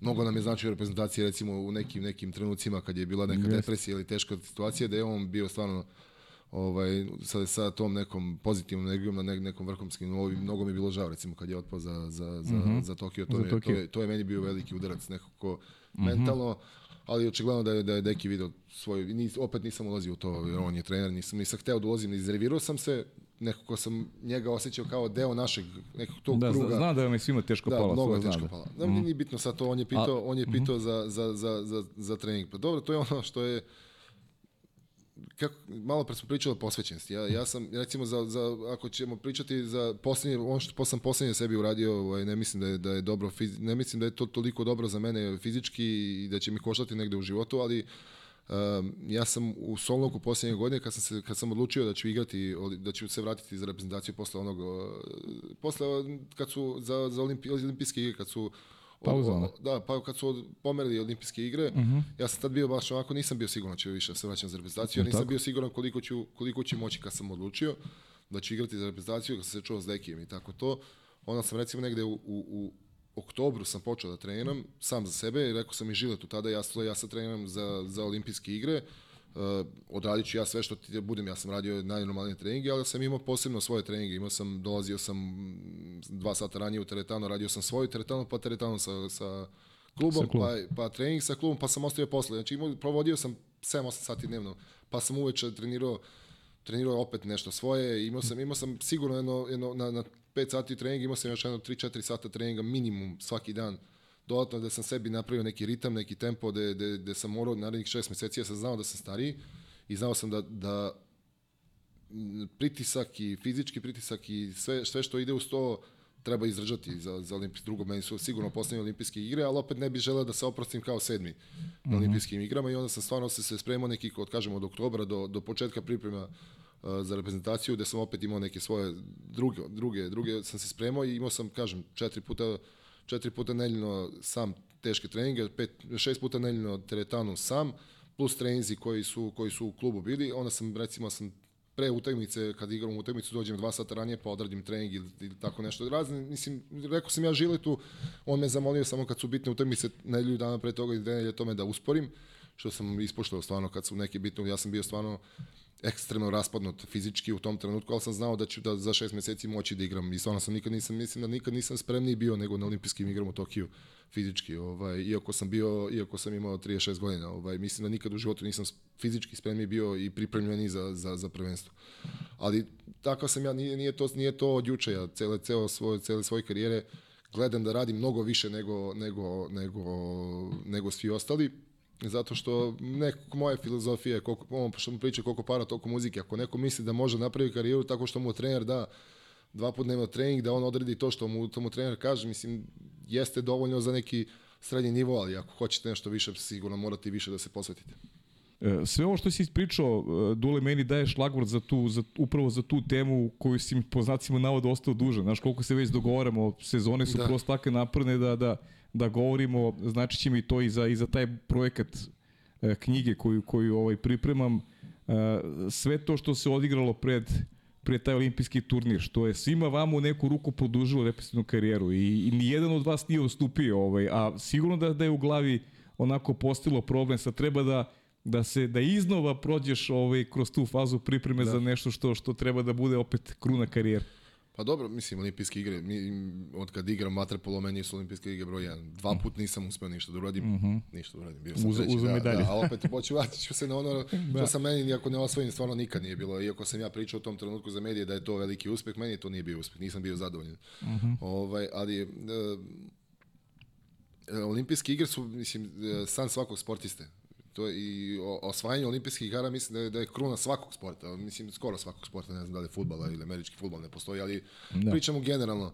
Olimpijske igre su pravo merilo vaše kvalitete i tamo ako, si, ako, ako, ako je, si najbolji, najbolji si stvarno. Nema, mm -hmm. nema, nema laži, nema prevare. Stvarno, stvarno tako uvek i bilo i koliko, i koliko si posvećen, toliko ćeš, toliko ćeš mesto i, i dostići.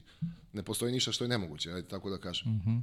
Tako da olimpijske igre su ono što da nije bilo olimpijskih igara, mislim da mislim da ja u karijeri ne bi toliko ne bi toliko stvari uradio jer mi je nekako uvek sam imao taj, tu gore sam mi stavilo, ako sad ne uradim ovo, neću na olimpijskim igrama otvoriti. Znaš, ono, kad -hmm. radiš nešto u životu, ako sad ja, ne, ako ne odradim ovaj trening, onda za tri godine kad budu olimpijski igre, neće mi da. ovaj gore dati da ja dam go. Mislim, i, onda, I onda to je veliki, veliki motiv, veliki motiv bio za mene.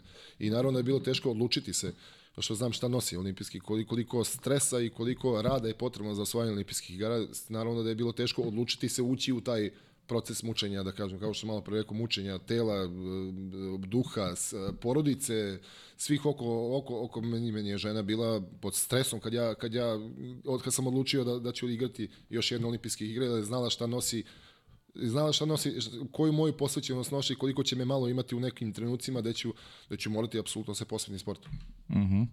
A sam odlazak, onda ok, došle ta, odlučili ste, produžit ćete još godinu dana, zarad odbrane olimpijskog zlata i dolazi taj Tokio, onaj nek, onako neki specifičan, onaj, onaj, onaj vakum gde, gde nema i publike. Da, da bi bilo stvarno čudno. Mislim, nama to ništa čudno nije bilo jer je, i u Riju nisam izašao iz, iz e, sela. Mislim, ne Tako vidim, je, da. zašto bi, pošto ja tamo nisam došao da razgledam grad, nego sam došao da, Tako, da, da, da igram vaterpolo, a pogotovo nama, pošto smo od početka do kraja u, u, u, u procesu. Mhm. -huh. Znači nismo imali da, da, da završimo posle neki sportisti završe posle dva dana takmičenje, mislim, to takvi su sportovi. Posle dva, tri dana završi onda ostane još 5-6 dana pa razgledaju. Njima je sigurno bilo teško pošto nisu mogli da napuštaju. Mislim, bilo je, kako, kako ti objasnim, čudno. Mm -hmm. I zbog testiranja, odnosno smo morali nešto da, da, da, da izvinješ, da pljujemo, pljujemo u neki, da, da testiramo svaki dan, razne stvari su se, razne stvari su bile oko nas, ali nekako, mislim, kako i nama, tako i svima, nije bilo, morali smo nositi maske, mislim, nije ništa se da, to da. specijalno bilo da, da, da bi uticalo na nas, a što, onaj ko se obazirao to, ko se na to obazirao sigurno nije dobro prošao na olimpijadi. Znači mi, mi smo morali da se da stavimo te stvari po strani i da se posvetimo onome što je bitno. Uh -huh.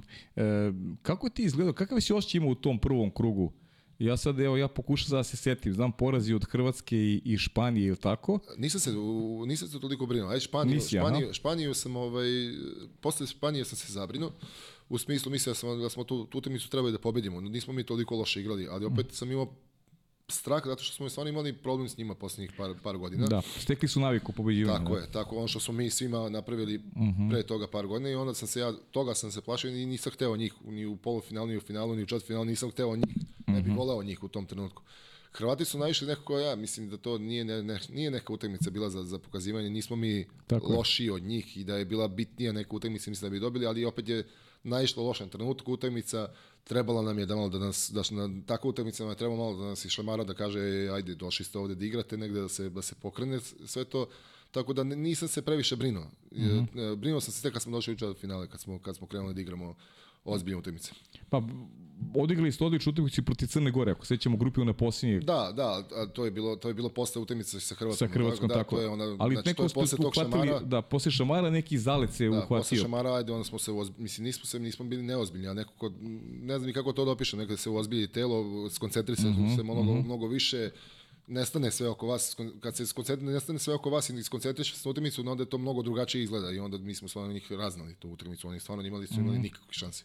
Mm -hmm. ovaj, I mi se tu počelo kao protiv uh, um, Pa Italija u četvrtfinalu i, i njih ste raznili u četvrtfinalu. Pa, da, Da, tu nisam Real. očekivao da će biti tako. Nisam da. očekivao da će biti, da će biti tako, ali bila lagana utakmica. Bila lagana utakmica i nekako, eto, na olimpijskim igrama, i, i u Riju, i u Tokiju, imam utisak kao tako dve preslikane utakmice protiv, protiv da, da, oni Italije. Da, ali to je, to je opet uh, ono što sam se ja plašio sa, plašio sa Špancima, mm -hmm. što se i pokazalo kao, kao na kraju polufinalu. Oni su, Italijani su od nas imali taj taj neki strah. Strah, da. Jer u Riju, ne znam da li se sećaš priču, u Riju je mnogo bilo, mnogo bilo dobro kad smo mi počeli najviše da, da napredujemo, kad, kad smo imali, uh, kad smo gledali utakmice, kad smo mi završili četvrti u, u, u, u našoj grupi. Kako su ovi bežali? Od... Kako su ovi gubili namerno utakmice da bi, da bi pobegli, pobegli yes. nas. Mislim da je to najbolji pokazatelj, nama najveći boost bio za, za samopouzdanje, da smo raznali stvar, stvarno smo da. tu dominirali. Mnogi su mi tada rekli to Rio, kako su ljudi bežali, Srbi, osvajamo zlato, sigurno, gledaj kako svi beže, Tako je, to je znači, to. to je meni nevjerovatno bilo da se ekipe toliko boje nas.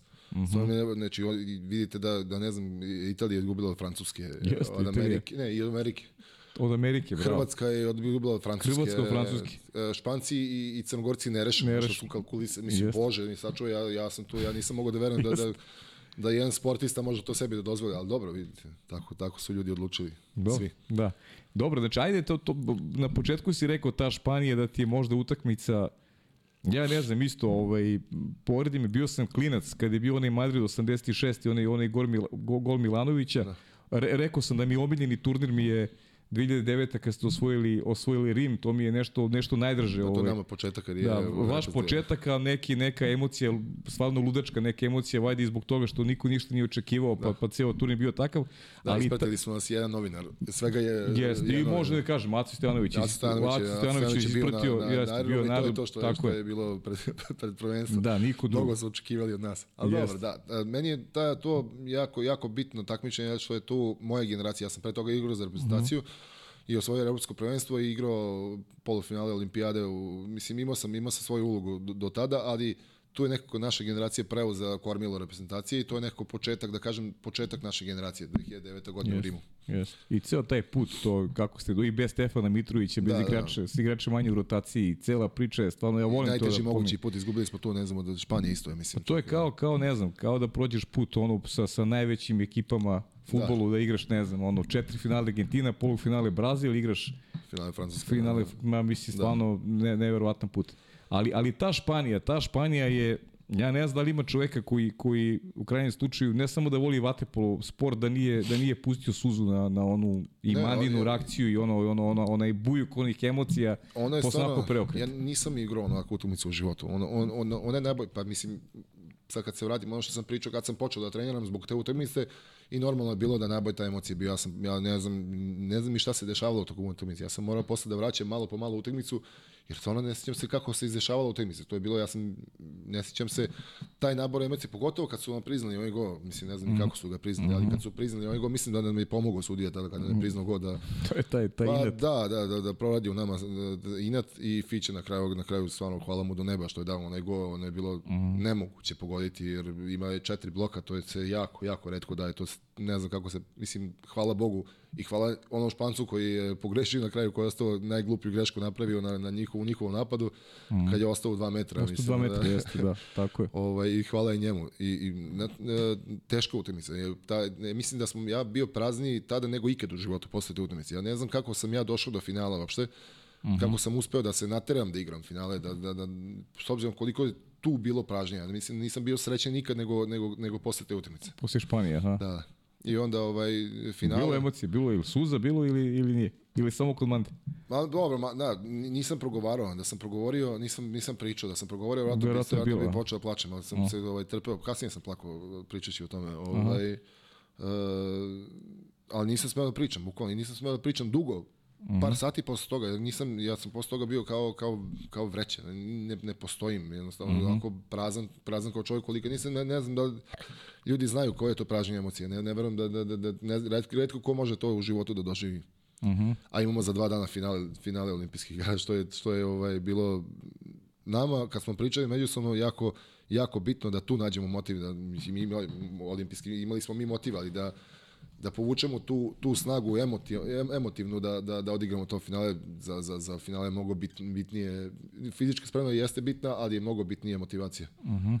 Ne, ne znam da li se, da li se slažeš, ovaj, ali ajde, to je sad neko, neko i moje, ajde da kažem, i, i, i skromno znanje, ovaj, ali ono, pratim baš, baš dugo i ta četvrta četvrtina protiv Grčke, to je onako meni uh, onako savršen prikaz uh, vaše generacije i, i neke, ajde da kažem, ovaj, neke i neke taktičke pripremljenosti i neke nekog vica koji imate u igri, neke vaše sloge. Mm. Meni je ta četvrta četvrtina uh, ajde da kažem kruna kruna generacije. Ajde kad pogledaš tu četvrtu četvrtinu, mislim da može eto da se negde sažme sve ono što ste vi kroz kroz Da, karijeru. mi smo Ka, kako, bili kako izgledate, kako izgledate kao tim? Kako, kako funkcionišete vi kao mi tim? smo, mi smo tu bili iskusni. E, Mislim, to, previše smo finale imali da bi tu, tu ispustili. Eto, to je, mi smo došli do te četvrte četvrtine kako smo hteli i onda mislim da ta četvrta čak meni nije ni bila nešto bitna. Onako, sad kad se vratimo nazad, cela ta utakmica neka prošla u maglovenju sa, sa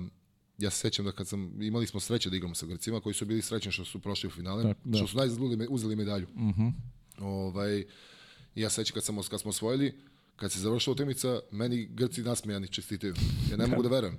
Ali kažem, da to kažem, imali smo sreće da smo s njima igrali, ali oni nisu bili dovoljno mentalno spremni da, da, da iz- iznesu to finale, a mi smo opet bili dovoljno iskusni da možemo da odradimo utakmicu sa puno, puno snage i, i da, da, da je odradimo kako treba. Naravno da je bilo pritiska i tenzije, sad ja pričam kao da je, ali ona utakmica pred Španijom nam je mnogo oduzela, mnogo, mnogo nam je oduzela, ovaj, i, i ovaj, tako da ta utakmica mnogo, mnogo se manje sećam te utakmice protiv, protiv eh, Grčke, Grčke. nego, nego protiv Španije. Ja se sećam, iskreno ti kažem, po, posljednje četvrtine samo. Sećam se da su Grci izjednačili na recimo 8-8 u prvom napadu tre, četvrt, Tako četvrtine. je, da, da, a oni su se nekako vraćali. To je kao ovo Da. sa, Olimpijakosom što je bilo. Pa, Tako sam se osjećao. Recimo, da, recimo, i onda su smanjili prvi minut posljednje četvrtine i onda ide ta serija 3-0 gde ti gledaš utakmicu i kažeš pa ne ovo da se igraju još dva dana, oni, neće dati gol. To je to, i tako sam se ja osjećao. Oni, oni kad su se vraćali, njih je vraćao Vlahopoulos, da se ne lažemo. On je, oni, oni su bili svi izgubljeni, jadni. Njih je vratio, vraćao sa, ono, sa nekih par golova i odluka, Vlahopoulos ih je vratio igru, stvarno je odigrao maestralno tu, tu utakmicu i da nije njega bilo, bilo bi, mislim, mnogo lakše na kraju. Dao je par golova, ovako mm, ne iznuđeni, kako da kažem, i on ih je držao tu negde u igri, ali na kraju, na kraju smo mi slomili, kao, kao, i kao što smo generalno mi igrali do, do, do, do tog, mi smo uvek nekako lomili ekipu celu utakmicu dok se ne dok oni sami ne slome, dok, dok se ne prelome i onda i onda kad mi prelomimo to, onda odemo 3-4 gola razlike i onda se smirimo. I mi i oni se privede, privede se uvek utakmica kraju. Tako je bilo i četvrt četvrtine, oni su dali taj gol za nerešeno, ali Da, da. posle toga 1, 2, 3 gola i ajde. Jeste, jeste, i gotovo i ono, kontrola, Da, da, kažem, to je, imao sam takav osjećaj, od- onaj, ono što ste, ono izgubili ste protiv Španije, ono utakmicu na peterce, sa šta to beše protiv Evropsko Španije. prvenstvo u, u Budimpešti. E, tu se ima osjećaj kako se utakmica bližila kraju da Španija ne može da gol da se igra još, još 12 dana, Da, bukvalno. i Oni ni su prvo polovreme, prvo polovreme su imali nešto plus 3, Da. u drugom polovremenu su dali recimo jedan gol, su dali drugom, Na kraju ali- završeno 6-6. beše, na kraju završeno samo- 6-6 ili 7-7, tako, nešto, da. Ovaj, da, ja sam tu utakmicu igrao kao uf, bolesno kao pas, imao sam 39 temperaturu. Mislim, Možda nisam trebao da igram tu utakmicu, možda sam tu ja, ja pogrešio, zato što ovaj, imao sam temperaturu 39 dva dana cela i onda sam, se, onda sam sa temperaturom tu, tu igru utakmice, možda nisam trebao, možda nisam dao dovoljno, ovaj, koliko, možda su se oslonili više na mene nego što su trebali u tom trenutku i možda je zbog toga to ovaj, tako ispalo i ovaj, tako da žalim, stvarno žalim što sam odigrao, mislim da bi se oni mnogo više drugačije skoncentrisali da bi pobedili utakmicu da ja nisam igrao. Evo iskreno. Da, pa to još nisam, nisam to znao. Da, stvarno sam bio bolestan kao Kerry. Ono, nisam, nisam, se pomerio, nisam se pomerio s obe posle, ne znam koja utakmica bila pre toga, to već sam se razboleo i onda sam, nisam se pomerio iz kreveta do te utakmice. Ja sam, iz, ja sam na utakmicu otišao tako što sam došao na, na, na, na ovaj, nisam bio na sastanku, nigde nisam bio, nego sam došao na recepciju i rekao, deki, ja idem. Mm -hmm. Daj ćeš mali, nemoj idi lezi. Ne, ja idem, šta mislim, ali nisam pogrešio, kažem. Možda da sam prošao i rekao bi da nisam pogrešio, da smo pobedili Da, na pa- penale, ali, ali ovaj, možda nisam tu bio potpuno fizički spreman za, za tu utakmicu. Mhm. I dobro, kako je to emotivno pražnje bilo? Posljednju utakmicu u karijeri za reprezentaciju, Deki nas je raznao. Deki, Deki, nas ja. je raznao, nas je na sastanku pre, pred finale. Nismo imali taktički ništa, nije ni pričao ništa, tako mm. ne sjećam se ništa rekao za taktiku. on je video poruke.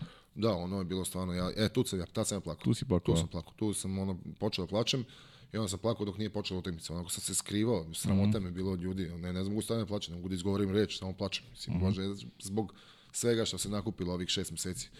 I, ovaj, I to je bilo stvarno, stvarno, stvarno, tu kad sam pustio je prvu suzu, krenulo je sve. Mislim, stvarno, kažem, nis, redko plačem. Mislim, gotovo nikad, osim kad je nešto srećno u pitanju. Kod dece, kad je, nikad nisam plakao, ali ovo, ovo je bilo stvarno nešto izašlo iz mene i nisam mogao da stavim. Bože, sačuvaj. Deki, deki, da A deki. razvanio se, stvarno. Kažem, ajde bre, skini mi se. Šta, šta je bilo njemu posunio Španije, šta se njemu, Ma ne kako mu ja se ideja nisam, javila? Nisam, nisam, ni- iskreno nisam ni pričao s njim o tome nikad. Ovaj, Kako mu se taj javio da dela, znam samo da mi žena rekla da je zvao, ne znam ko je zvao da, da, da pošalje, da onda su oni snimali nešto pa, Jeste, sa da. decom, pa onda vidiš, da, vidiš decu, pa mislim to je, ne, sad ću početi da plaćam, nema bolje da ne Dobro, nećemo. Ajde onda da, dok, dok Duli ne zaplače da idemo na treće pitanje. Veliki pozdrav za sve u studiju. No jedno pitanje za Duška. Da li je prijatelj iz Novog Sada platio jednu kafu ove sezone? Hvala na odgovor. Pozdrav. Priča o Filipoviću, Radoslavu Filipoviću. Ja sam sa njim i sa Savom Četkovićem celu sezonu proveo, bukvalno. Oni su, ja, mi se zovemo, zovemo se prijatelji. Ja ne znam, ovaj, svako jutro smo bili na kafi, konstantno su bili zajedno, oni su mi baš ulepšali ovu sezonu. Ja, ovaj? Pozdravljam ovom prilikom, stvarno svaka im čast. Ovaj, I sad kako, kako počela ova priča, što dođe meni i Fifi kaže, Duško, ajde da častiš kafu. Kao. Ja 30 godina stariji od njega i poštovanje, ali on ovako, kao, mislim, imao on poštovanje daleko od toga, Naravno, da, on naravno. je apsolutno divan momak, ali onako to, kada, kad tako neko kaže izezanja, onako ja sam se smeo dani, dva danima, Duško, ajde platiš kafu. Kao da sam ja neka, dobar je, dobar je, ovaj, i stvarno sam, i on ide ovaj, iz Novog Beograda, i to mi je jako žao, što sam se stvarno bližio i sa njim i sa, sa Savom. Sa Savom, a? Da, da, i ovaj... A Sava ostaje? Ne, e, Ne ne, znaš. ne znam, ne znam, još uvijek je još uvijek je rano, ne znam da li su sa svime pričali i šta će se dešava. Mislim da ostaje. Ali ovaj znam znam ovaj da da da Fifi ide, tako da mi je mnogo žao. E, S njim se baš baš dosta vremena proveo ove godine. Mhm. Pozdrav Da je Nikola. prijatelj platio kafu. Da. Hvala, hvala Nikoli Markoviću. Ovaj, da. Platit ćemo šišanje u Britvi. Šišanje Britvi, e, pričam poslije o Britvi, ovaj, e, kaži mi kakav je, ajde, o, ima još neki, neki post festum, ovaj, ili, ili ti, ili ti, šta ti je, šta ti je, ovaj, ili ti lepše bio taj Rio ili, ili, ili Tokio? Ili tu možda rangiraš ili, ili, Ne mogu, ili ne ne, možeš? ne, mogu, a? ne mogu, to je potpuno dva različita takmičenja. E, zadovoljniji sam što sam osvojio e, Tokio, jer sam tako? uzeo dva, eto tako, onako, čisto ovaj, zbog toga, jer to mi nekako bilo, nisam, od svega sam u životu uzeo po dva komada, sve što sam osvojio sam sve, pa sam da. dva osvojio drugi put i to mi je falilo, kao eto tako, to mi je bio neki motiv kad sam krenuo da, ali ne mogu da razumim, prvi, prvi, mislim, mnogo mi je značajniji bio a, Rio, pošto je prvi bio i to je, ceo život sam želeo da osvojim olimpijske igre i dva put sam, dva put nisam uspeo, dva put sam pao, treći put kad sam osvojio sigurno da mi je bio mnogo, mnogo značajniji u tom trenutku, ali ne mogu da kažem da mi ovaj, da mi ovaj ne znači, pošto dva puta osvojiti mnogo je, mnogo je, mnogo je bitnije i mnogo je teže. E, Mnogo, mnogo teže. Ne znam kako, kako ovi Mađari su osvojili tri puta, kako i njima, ali ovaj, meni je bilo stvarno ekstremno teško. Ali ovaj, ne mogu da ih razvojim. Bilo je, bilo je ovaj, problema, problemi koji su se javili u Riju, ja mislim da, da, da ta depresija u trenutku kad smo izgubili od Brazila, mislim da se, da, da se neće ponoviti u, u nekoj ekipi, to je bilo stvarno neverovatno kad, da, da su Srbija izgubila od Brazila u Da. vaterpolu. To je, ja još uvijek ne mogu da, da verujem u to. Ovaj, ali, ali ovaj, i to smo uspeli da prevaziđemo. Hvala Bogu da sam se rodio u generaciji u kojoj sam se rodio. Znaš da je do istorije srpskog olimpizma samo vaterpolisti, tvoja generacija, Igor Milanović, Dragan Andrić i Milica Mandić. To su Dva. jedi, da, to jedini, jedino vi imate dva, dva, dve zlatne medalje. A lepo, baš mi je drago. Da. Dobro, Igor, da, Igor je, dobro, Igor je meni uzor bio kad sam bio klinac, mm -hmm. i to mi je, ovaj, drago mi je što sam dostigao, kažem, ne, ne, nje- njegov nivo, on je stvarno ne, poseban nivo u vaterpolu, sve ukupno, nego da sam, da sam uradio što i on, ajde tako da kažem. Mhm. Ovaj, I bio mi je trener i stvarno, stvarno, stvarno pošten čoveka i, ovaj, i, i stvarno mi je drago što sam, kažem, isto što i on uradio u tom Da. smislu. Ali eto, baš je, baš je lepo, misli, koliko je koliko je vaterpolo važan u stvari sport ovaj, u, u, u- Srbiji i, i, i tvoja generacija i sve ovo što sam rekao daje jasne smernice da prosto moramo svi da učinimo da, da, da vaterpolo mislim, dobije. Nije samo, vaterpolo je divan sport. Uopšte ne, ne, ne treba se obaziramo na taj način. Znate šta je, znaš šta je meni drago? Meni je drago recimo da, da, da je neko dete počelo da trenira vaterpolo zbog mene. To mi je stvarno... Tako je. I da, da stvarno mi je to bitno. Stvarno mi je to. Ja gledam stvarno deca koja, koja, koja danas treniraju svašta se dešava, kako da objasnim. I onda, i onda e, deca koje treniraju nekako, e, znači mi da vidim decu na treningu, da znači mi decu da, koji su posvećeni na sportu, koji su posvećeni. Znam da je to dete zdravo i pravilno. I ja znam kroz svoju generaciju kako su, kako su moje generacije uh, iz Vojvodine, kako su završili kao ljudi. Ne samo ne pričamo samo o sportu kao o sportu, nego ljudi iz moje generacije, svi su danas ozbiljni ljudi sa, sa porodicama, sa koje imaju sređene živote, zato što ti sport, sport kao sport daje ne samo da se zdravo, da si zdravo, u zdravom telu zdrav, zdrav duh, nego nego daje i odgovornost i poštovanje i, i, i poštovanje autoriteta i hijerarhiju i poštovanje poštovanje starijeg i razne stvari e, u životu ti daje sport i zato mi je drago da bar malo utičem na to da neko počne da trenira vaterpolo, mm -hmm. tako da kažem. Mm -hmm. I u sport sve ukupno mislim, ne samo vaterpolo, vaterpolo pogotovo što sam ja iz vaterpola. Šta najviše pamtiš kad je tvoja generacija u pitanju? Ovaj, kad te neko pita da, da ajde kratak neki siže onoga što što ti znači to celo vaše druženje i ovaj kako ste napravili? To je naravno sudar i sueta i ovaj, svi ste vi individualno veliki velike karijere napravili sjajni igrači, ali ste negde sebe sebe ste ovaj, ovaj nekako i ajde da kažem nekad i, i, i ispustili na nivo koji koji zahteva da kao tim kao tim funkcionišete besprekorno. I to, to mi makar koji gledamo sa strane nikad nismo videli da među vama postoji postoji neka netrpeljivost, a verujem da ste imali momente kada vam je bilo jednih drugih ono preko glave. Pa ono što, što je sam ja u životu shvatio da je to to je najveći neprijatelj sporta, ta egocentrizam i mm -hmm. sueta i tako te stvari, to to I, a naj, najveći rak u ekipi. Znači, kad imate jedno ko je tako u ekipi, to je već, to, već, mm -hmm. to već širi se kao, kao rak po ekipi. To je, to je jako teško mm -hmm. i to je, to je ono što, što mi stvarno nismo imali. Stvarno smo imali, ili smo ga imali malo, pa smo ga rešavali, ali, mm -hmm. ali i to što nismo iz, iznosili prlja veš nikad. Bravo, da. I to je jako bitno da se, da se, da se rešava sve u, okviru, da kažem tako, porodice, sportske porodice, ajde, da se rešava, i sve smo rešavali unutra, imali smo, naravno, imali smo problema, svako, svako ima problema, ali nismo imali ozbiljnih problema.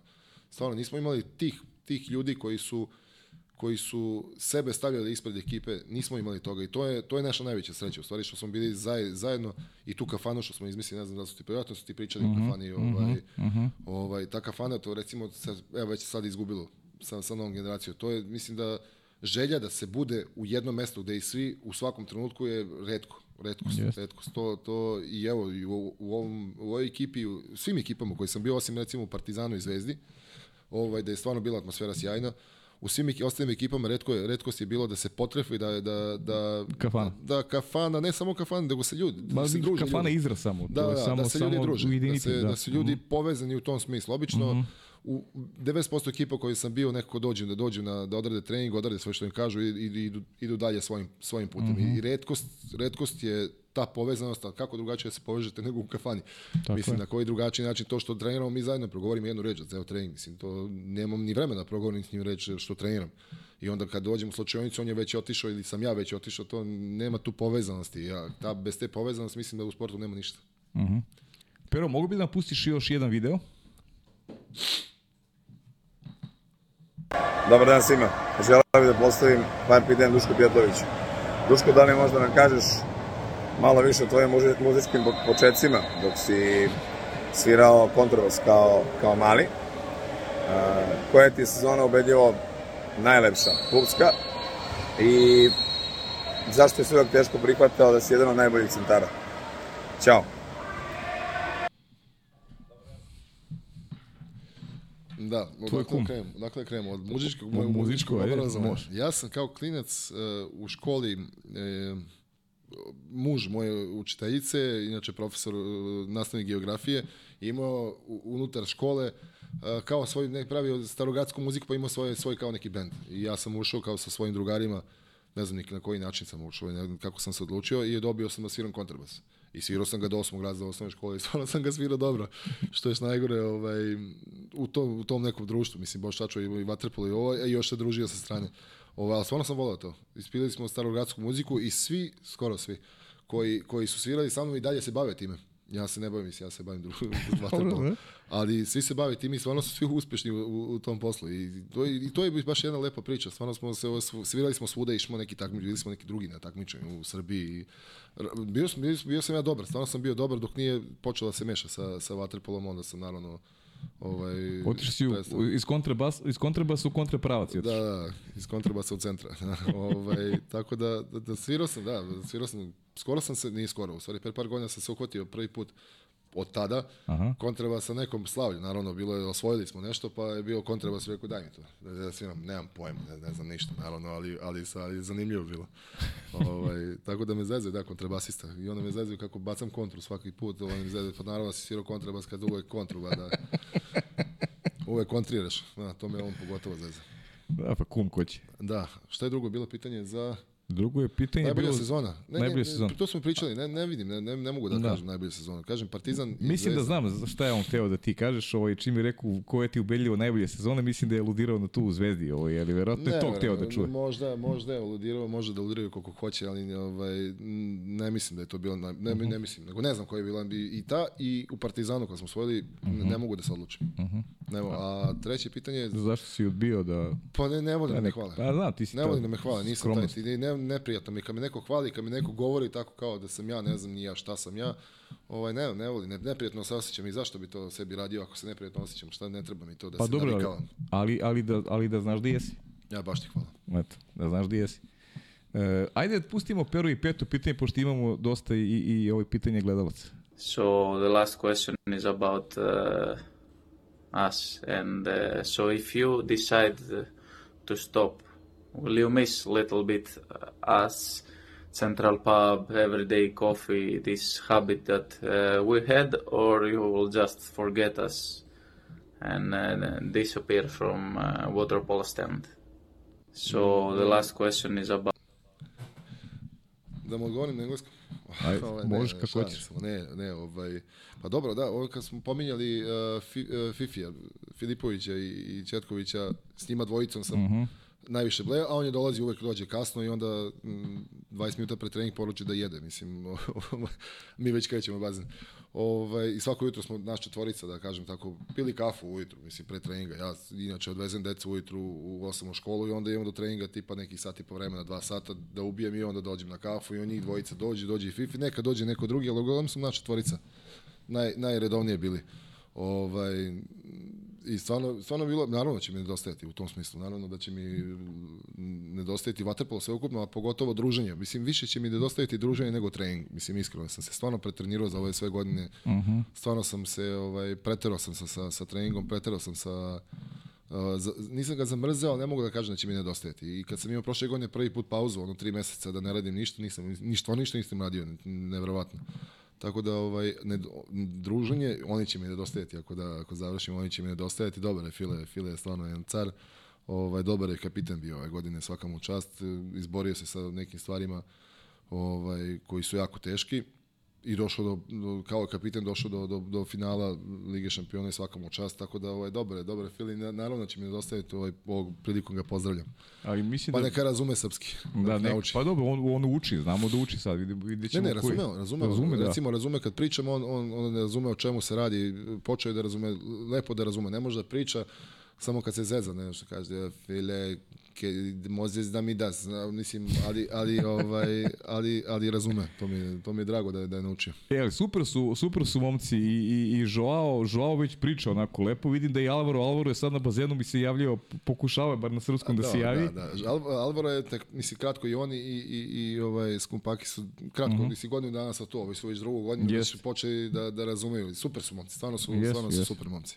Nika je pričao srpski, mislim. Ne, ne, Nika, ovaj, pa, ne. Nika, Nika bio u podcastu ovde, Nika pričao srpskom. Da, Nika da. svaka mu čast. Malo priča, ali, ali, ali, ali priča ovaj, Da, da, da. dobro. Ovaj, tako, da, tako da, stvarno sam imao lepu sezonu. Momci u- unutar ekipe su stvarno, stvarno su bili super. Mm Mhm. -hmm. Stvarno, ima, ima tu, da kažem, kako da objasnim, e, što se tiče kafe, recimo, Aha. Jakši je teško da ustane u, u, u 9, u 8 ujutru. Pa da dobro, okej, aha. Tako da nismo mogli da se uklopimo, a ja posle treninga moram da žurim zbog dece, zbog bobove za britve Mhm. i raznih stvari.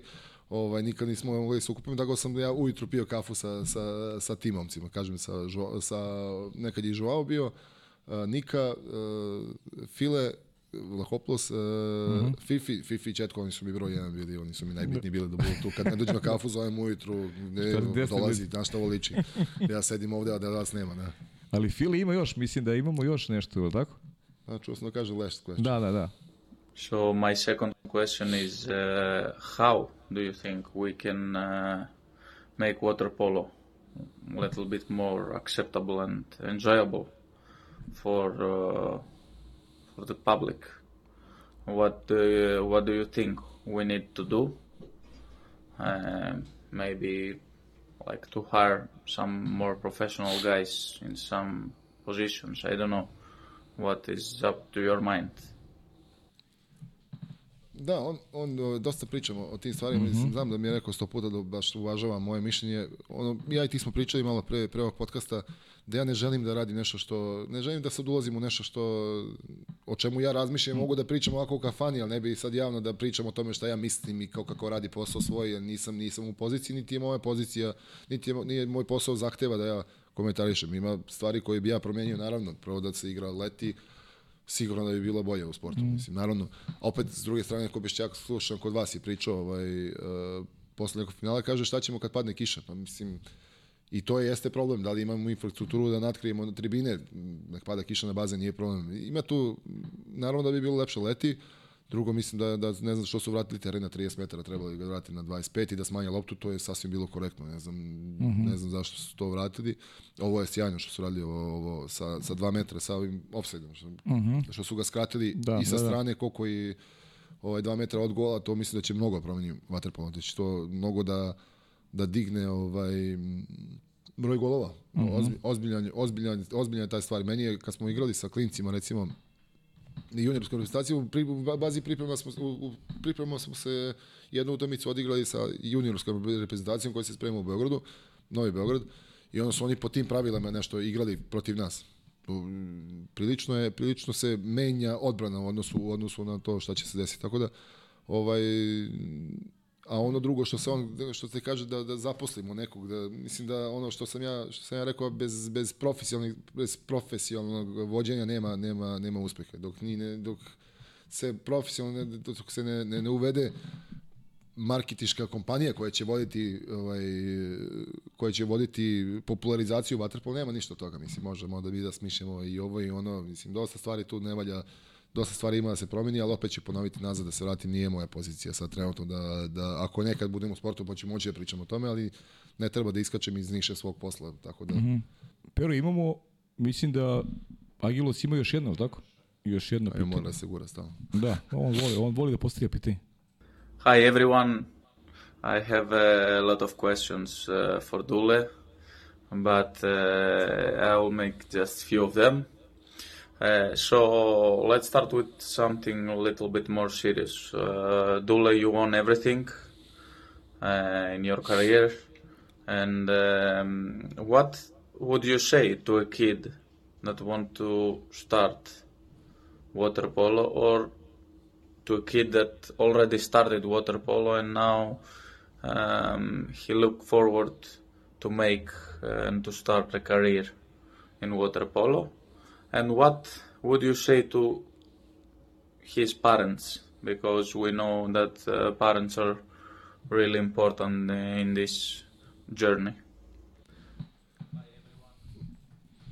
Pa da, to je ono malo pred smo se mhm. dotakli roditelja u, mm -hmm. u sportu i to je ono što sam ja vidim i znam i, i osjećam to, to je ono šta bi ja rekao, detetu koje počinje, ide dete igra se. Naravno, to je najbitnije. I, kad počinje sport, naravno, najbitnije se da se dete igra, da zavoli, da zavoli da dolazi tu, da zavoli, mislim, bitno je da zavoli društvo u, ko, u kom se kreće. Nije toliko sport će zavoliti kako obranio kreni, ali, ali bitno je da zavoli, zavoli decu koje dolaze tamo, da se druži sa ljudima, onaj ko hoće da, da da drugo pitanje onaj ko hoće da počne karijeru, koje dete koje tek ulazi u neki neki kažem profesionalni nivo, uh, rekao bi mu da, da se dobro spremi, da, da se posveti apsolutno tom poslu, ako je odlučio tim poslom da se bavi, da se apsolutno samo i, nje, i osnovno njemu posveti, posveti 24, 24 sata dnevno, pogotovo dok ne dobije decu, gde će morati negde da se odvoji, odvoji od, od, od sporta, ali do tada e, da, da, radi, da radi kao konj, mislim, to je najbitnije, da se, mm -hmm. stvarno da se trenira, da, da, da, da, da, da se hrani na određen način, da, da prati sve, sve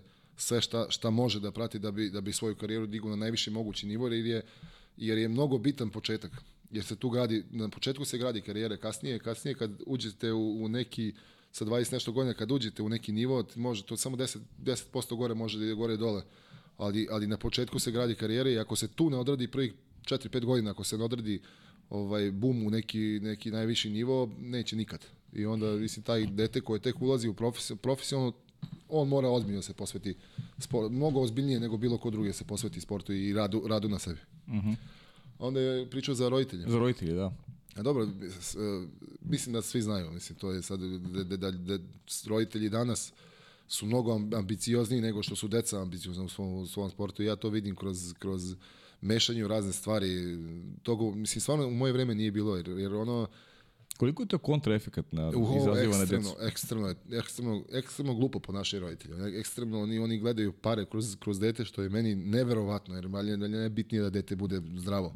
Jer sad ono što sam, evo, baš sam to njemu objašnjavao, pa što me on pitao oko toga, nešto smo pričali, i ja kažem, evo, moja generacija, koja je najuspešnija generacija, 1985. godište, e, mi smo imali tipa hiljadu dece.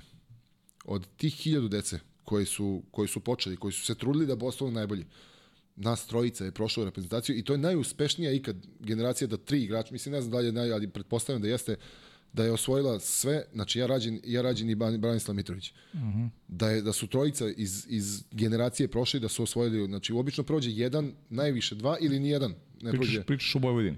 Ne, ne, ne, pričam o sveukupno, o celoj Srbiji. celoj Srbiji. Celoj Srbiji, Aha, znači od cele 85. Srbije. godište, aha. 85. godište, imate samo, samo mene, Rađina i, i uh Mhm. -huh. Branislava Mitrovića, od cele generacije koja se takmičila od hiljada, ne, ne znam koliko hiljada dece, ne znam koliko je bilo uh -huh. u generaciji. Mhm. Bilo i sad- više onda. Pa mislim, ne znam, ne, stvarno ne znam koliko dece, znači i svaka generacija u vaterpola bi se uspela, morate da budete baš, baš najbolji u najvišem nivou da bi bili u, u ovom uh, u reprezentaciji, ako niste u reprezentaciji nije to to. Mislim, kako ne znam kako da objasnim. Jeste, i- ali m, samo kad ste u reprezentaciji, to je pravo onako život od, od vaterpola.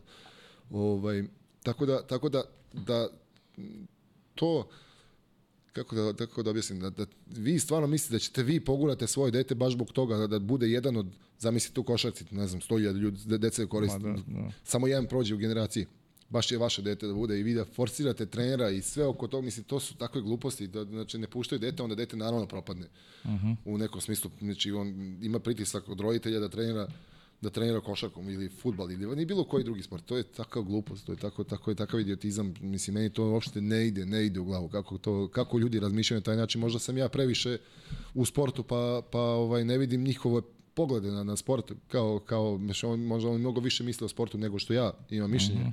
Ali meni je to to meni to je ekstremno ekstremno i para mi oči i uši kad čujem eh, čujem eh, trenere koji da dođu da kažu da dola- dolazi mi roditelj ne smijem da kažem zbog roditelja ne znam, nije, mislim, to su, to su ja, užasne stvari.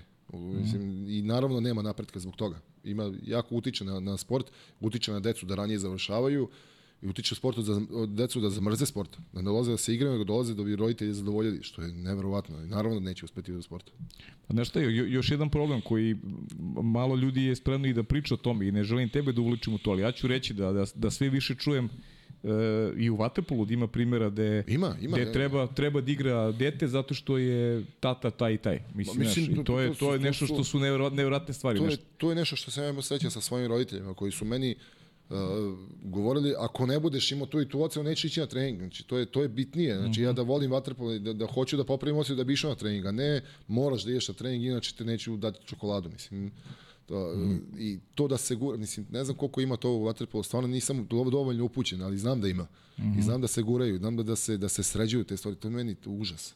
Užas, baš, Stvarno, baš stvarno to je užas. meni i to je prvo vi kad sredite svom detetu, nekom detetu ste uzeli mesto koje može da zasluženo više. To je to je mislim kako kako može takav čovjek da bude Mm. Svako dete će u, u, uspeće on u životu u nekom drugoj sferi, što mora u sportu, što mora da bude sportista. je, da. Mislim to su Tako je. gluposti. Na silu, ne može da silu ništa. A mislim.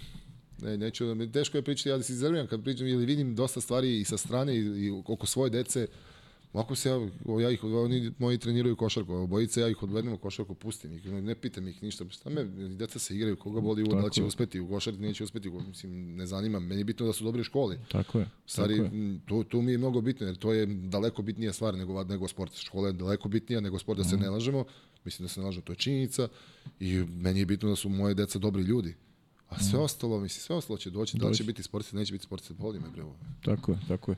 A kaži mi kad si, eto već, da, da, da zaključujemo ovaj deo emisije, prema što pređemo na pitanje gledalaca, i kad završiš karijeru, ovaj, a neka bude to za godinu dana, ovaj, hoćeš da ostaneš u vaterpolu ili, ili, ili ne vidiš sebe u sportu više? Pa, Znam da si mi rekao da trener, da trener nećeš biti ne, sigurno. Ne bi da. da budem trener. Ni- Da. Nisam, nisam planirao. Ne, ne volim da kažem ništa neću. Ili Aha. da, da ću da se... Od, ne volim da kažem ovaj, trenutno sam sit vaterpola sigurno. Uh Mhm. -huh. Trener da budem ne bi volao zato što ne bi na, nastavim život koji sam imao poslednjih par godina, ne volim da se selim. Sad sam se stacionirao u Beogradu, tu Mhm. uh -huh. sam, deca mi idu u školu, Uh, supruga vodi ove berbenice što, što, što imam Mhm. i, i nekako stacion, ne bi da ih diram. Evo, njih Mhm. ne bi da diram najviše, a i sebe ne bi da, sad ako ja počnem da budem trener, pa ću biti trener par godina u Beogradu, to će biti sve okej, a šta ću ako me pozove neke, neke druga ekipa, pa sad moram Logično. da menjam grad, što je logično, mislim, to je trenerski posao, moram da menjam grad, moram da deci menjam školu, to je ozbiljan udar na, na psihologije dece i ne želim to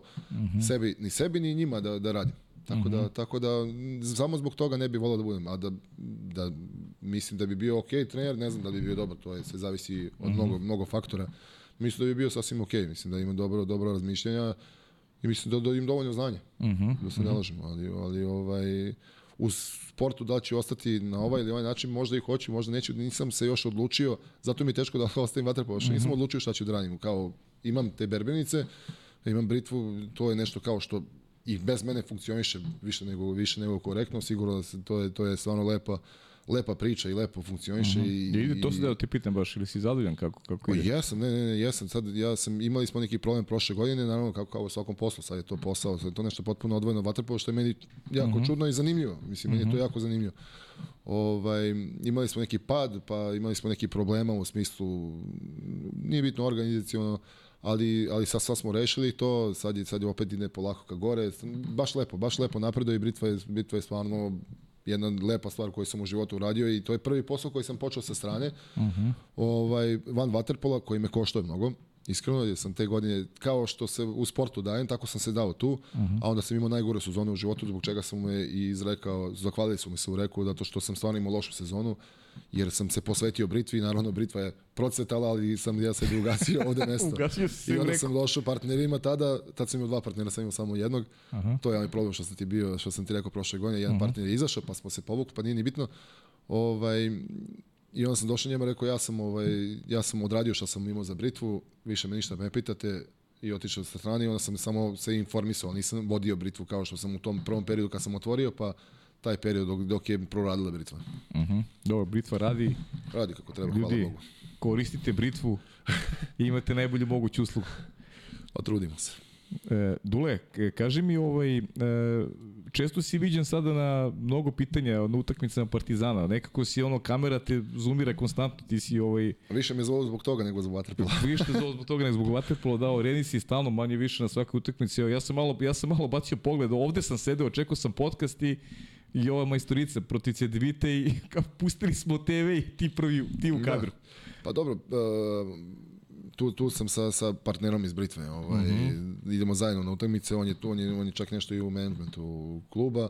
Tako da sam s njim, eto, nisam ja sad nešto kao sad da sam, da sam ja to hteo i ne znam kako, nego se otvorila, otvorila se mogućnost, rekao što ona ne, stvarno ja, ja sam pratio i kad je Dule Vojošević bio trener, ovaj, pratio, sam, pratio sam na TV-u sve vreme, koliko sam mogao, nisam mogao da iz, iz inostranstva da, da dolazim na utakmice, ali sad kad sam u Srbiji, počeo sam da dolazim, stvarno volim košarku, ja stvarno volim i, mm -hmm. i ja mislim da je to jedan od najlepših sportova, ovaj, pored vaterpola, naravno, ovaj, futbol onako, ne mogu da ga gledam, teško mi je, nikad nisam mogao da ga pratim, ali košarku stvarno volim, a pogotovo i mnogo mi je drago što trenutno dva kluba u, u Srbiji igra na tom nivou Lige šampiona, što je mnogo bitno, jer kad je, kad je niži nivo, džaba što je to uh, opet nešto kvalitetno, ali teško je gledati i Ligu šampiona, a sutra doći na našu utakmicu neku da gledati loš nivo, kvalit, uh, loš nivo košarke. Mm -hmm. Tako da mi je drago da se i Partizan i Zvezda vratili na, na jedan ozbiljan nivo i nadam se da će da nastave u tom Da smislu da, da, da. da, će potraje ovo kako se sad kako sad, kako su sad postavke će potraje još dugo godine jer baš, baš je baš je jedno lepo iskustvo ove godine biti biti ovaj na na svakoj utakmici koju sam mogao da idem naravno.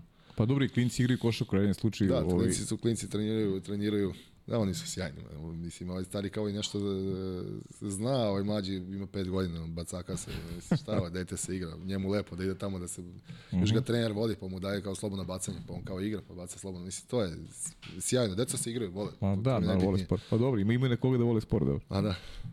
Ali neće na vaterpola. Neće da vaterpola, pa dobro, zato je Gojko, ovaj, zato je Da.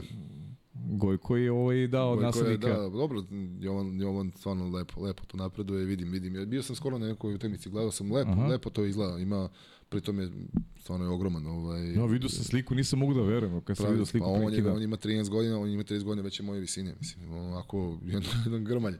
Ovaj, tako da, tako da im, ima potencijala u njemu sad, šta će biti, Bog zna. Mislim, Ma da, naravno. Da, da. E, ajde da pređemo malo na, na pitanja, ovako, ima dosta pitanja. Ka planira završi karijeru, to, to smo rekli. E, Afan te pita, kakav je osjećaj izgubiti e, dva finala za redom sa vašim iskustvom? Ah, kakav je osjećaj? Grozan, grozan. Mm -hmm. Izgubiti svako finale, kamali, kamali finale Lige šampiona. Teško mi je palo i protiv Zvezda ovo finale ove godine, mislim, svako. Mm -hmm. Redko sam u životu gubio finale, ovdje sam ih, bogom, izgubio dosta u Novom Beogradu, tako da mi to, to mi je mnogo žao. Da, dokle misli da igra, Pistać te pita, to smo isto rekli. Da li Dokle Duško- više, Da, dokle da, više. dokle više, da. Da li Duško ima problem sa leđima usled konstantnog nošenja Novog Beograda tokom utakmica? To, to ovaj, obavezno pitanje prosledite Jakšiću. Jakšić To mi se zezamo, zezamo stalno. Dokle ja tebe da guram, on meni kaže dokle ja ti produžujem karijeru i tako. Mhm. Zdravo Duško, možeš li nam malo reći o plivanju od reka do Kamoljija, koje je pre roko, pro reku tradicu organizovan? Pitate Filip Jovanović. Pa nisam ja to imao. Nisam, Nisi, ja, nis- ja, ja, sam, ja sam to ovaj, preskočio. Nisam, taj, to hvala Bogu nisam imao.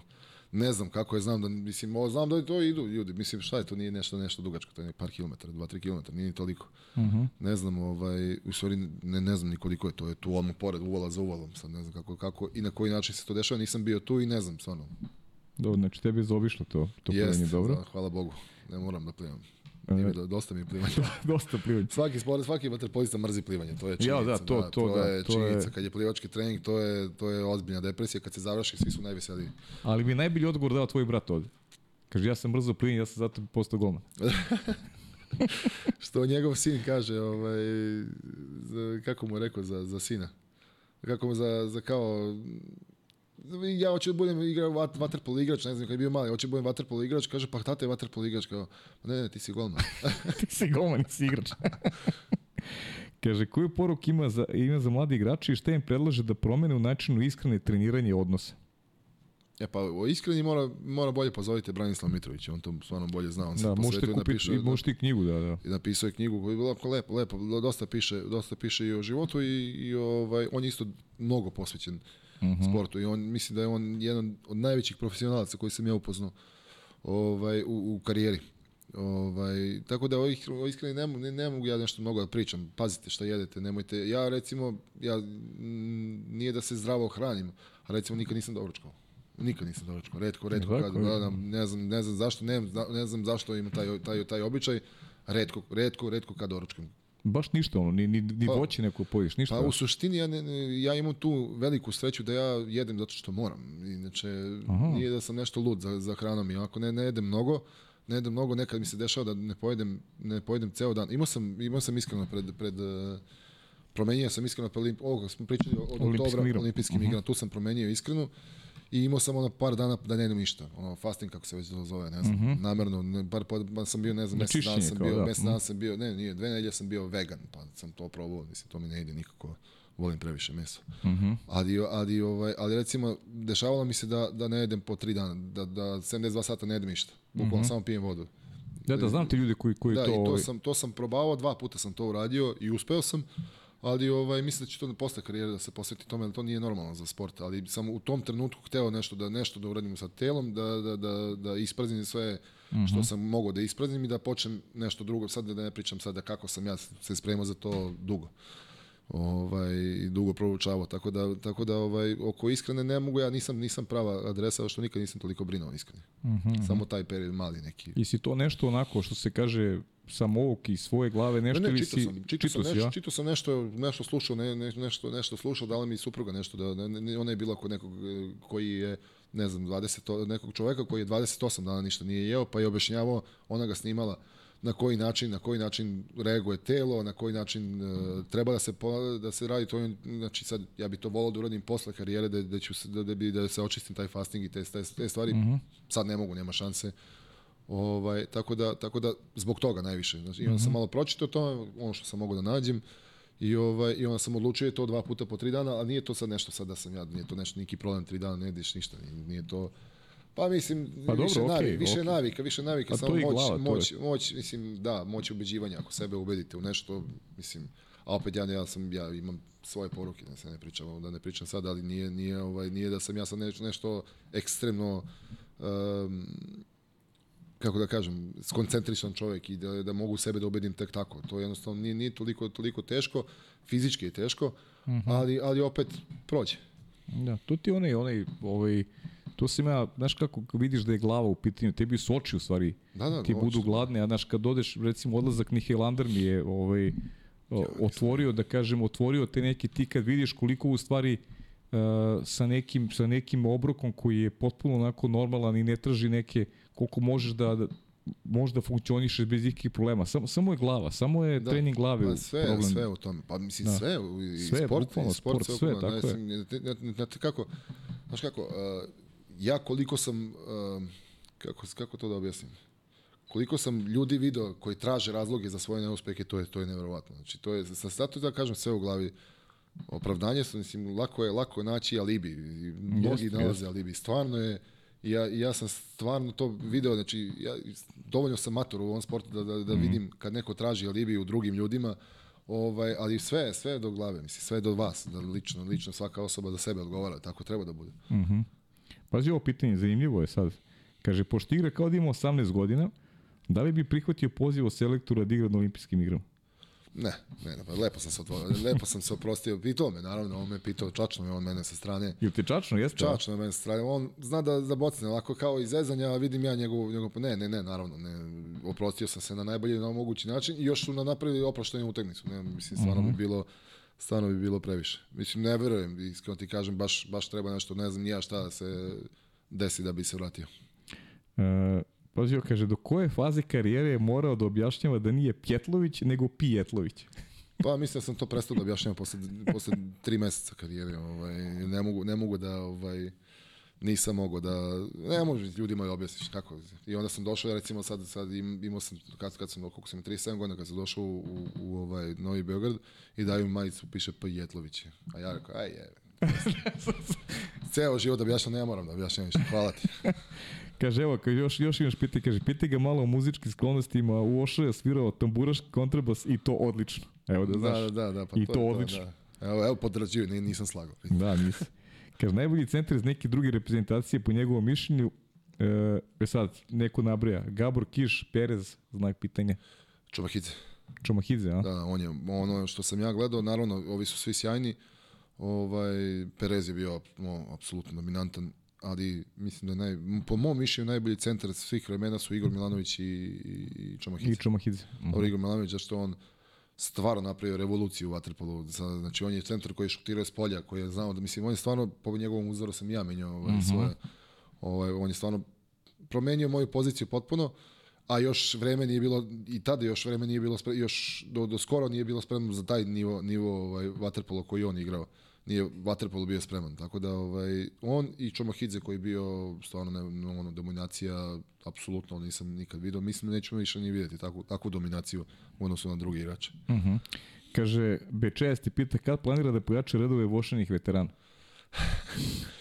Da, ba, zovu me, sad me sad stalno zovu, da, da, da, ajde da igraš, a ne, pa da mi na pamet, neću, neću u bazen da skočim, kad završi karijeru, neću u bazen da skočim sigurno 10 godina. A čekaj, Gojko iskače, po dobro, Gojko će Gojko doći, nije govorili smo se. Gojko, Gojko nije ušao u bazen. Nije ušao u bazen Kako? uopšte. Pa, mislim, ja, dugo traje, na, na, znate kako, kad završiš karijeru, kad, kad završiš karijeru s 30 godina, imaš još uvijek želju. Ja imam skoro 40 godina, ja sam se, na, naplivao sam se, ja, naplivao sam se, ja sam, ne znam, vjerojatno ću da ulazim u nekom trenutku, će mi vjerojatno da, da mi dođe, da se vratim na bazen sigurno, ali sad trenutno na svojim razmišljanjima mislim, neću, mislim, ne, neću, neću sigurno. Kaže, njegovo mišljenje o budućnosti reprezentacije.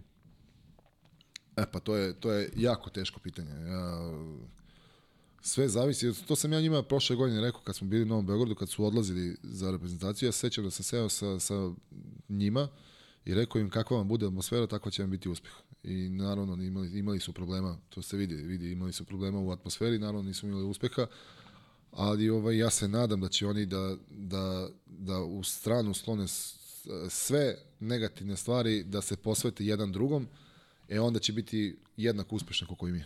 Znači, ono što je, ono što je činjenica da, da momci imaju, mislim, Jakšić recimo je najbolji, najbolji, po mom mišljenju trenutno najbolji igrač na svetu, mislim, to nema, uopšte nema, nema priče. Man, Manda, Manda je ekstrem, Manda je novi, mislim ne novi, nego Manda je već ekstremno veliki igrač. Imaju Sve te igrače koji, koji, su, koji su tu, koji su neverovatni, imaju kvalitet stvarno neverovatan, siguran sam da su najbolji na svetu, iskreno siguran sam kao ekipa da su najbolji na svetu, mada ma koliko sa strane neko priča ovo ili ono, samo zavisi od toga kako se oni budu slagali međusobno. I to je to.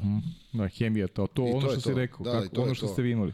Kafana. Da, pa oni kažu da su se okupljali, ali nisu imali kafanu, ali su se okupili, mislim, kako da objasnim, ne znam i neću da ulazim, Da, njihova, mislim, njihova je stvar, njihova je stvar, njihovo breme koje, koje treba nositi njima nije, mnogo je teže nego nama, Jeste. jer oni dolaze iza nas jer svi očekuju novu, novog, ne znam, Filipa, novog Andriju, novog Duška, novog Miću Aleksića, nije isto i mnogo je teško naslediti nas ovaj, i zato su imali to, i zato zbog tog pritiska koji su imali sigurno da nisu imali uspeha do sad, ali verujem da će, da će sad da, da kad krene, njima kad prvo nešto urade, mislim da će da krenu ka gore i mislim da će biti sjajna, sjajna generacija. Dobro, okej, okay, ali pritisak s kojim moraju da se izbore. Ajde, ne, nemoj da zaboraviš, imali ste vi taj pritisak. A imali smo, imali smo, da, imali smo mi taj Imali pritisak, vi taj pritisak smo, ali smo imali odmah, odmah prvo osvajanje zlata i odmah. Jeste, ali... Da, ovaj, da, ali oni nisu to uspeli, Da, da. nisu imali, tako da, da imaju, imaju sigurno to, to je veliki problem, da, da njih gledaju kroz nas, uopšte ne treba da ih gledaju kroz Ne nas, oni treba, su svoja naravno. generacija, svoja generacija i ovaj, da ne kažem, ja kažem najbolja trenutno najbolja najbolja najbolja ekipa na svetu i treba im pružiti podršku samo kažem ako budu međusobno ako budu mogli međusobno da da funkcionišu. E, zašto se bivši repestici povukli iz tada VKV Vojvodine i šta treba da se desi da Voša nastavi da Pa napravi... što smo se mislim, ja sam ja uh, nisam ja bio dovoljno upućen u, u Vojvodinu, to su, ja sam naravno podržavao sve što su oni radili, ovaj, ali očigledno da ljudi, mislim, kako da objasnim, očigledno da ljudi, ovaj, ti koji su se vratili posle, ne znam, 30 godina vladavine, to mi je vladavina, kažem, vođenja Vatrpolo kluba Vojvodine, sad su se oni opet vratili i napravili opet novi dug. Mislim, mi smo, mi smo, momci koji su vodili pre mene su vratili skoro nula, na nulu došli sa dugovima sa Vojvodinom, sad su se vratili opet nije bilo uspeha, iskreno, nije bilo uspeha, sportskog uspeha, nije bilo, nije bilo para, mislim, nema šta ja nisam, ovaj, ja lično nisam, nisam nešto, nisam uspeo da pomognem da, da, se, da se napravi neki budžet i to je možda i moj, moj propust. E, okej. Možda da je bilo nekog uspeha u, u, na, na, na, na, za, na tom, bilo je uspeha, mom, devojke su, devojke su osvojile, šta su sve Da, osvojile. da, devojke osvajaju redovno, da. Vaterpolo u Vojvodini, mislim da je to veliki uspeh za Vojvodinu. E, muškarci stvarno nismo imali nismo imali ni nikakvog uspeha. Mislim ni ništa ništa specijalno se nije desilo. Ovaj dosta je to ljudi koji već dugo dugo stoje, teško je u Novom Sadu je mnogo teško napraviti kadar za za trenerski kadar. To je mislim da najteže u Novom Sadu i u svim drugim gradovima. Sve deca će doći, doći će, na, može se napraviti svašta nešto, ali trenerski kadar naći u, od negde osim u Beogradu jako teško. E, to je, to je najveći problem.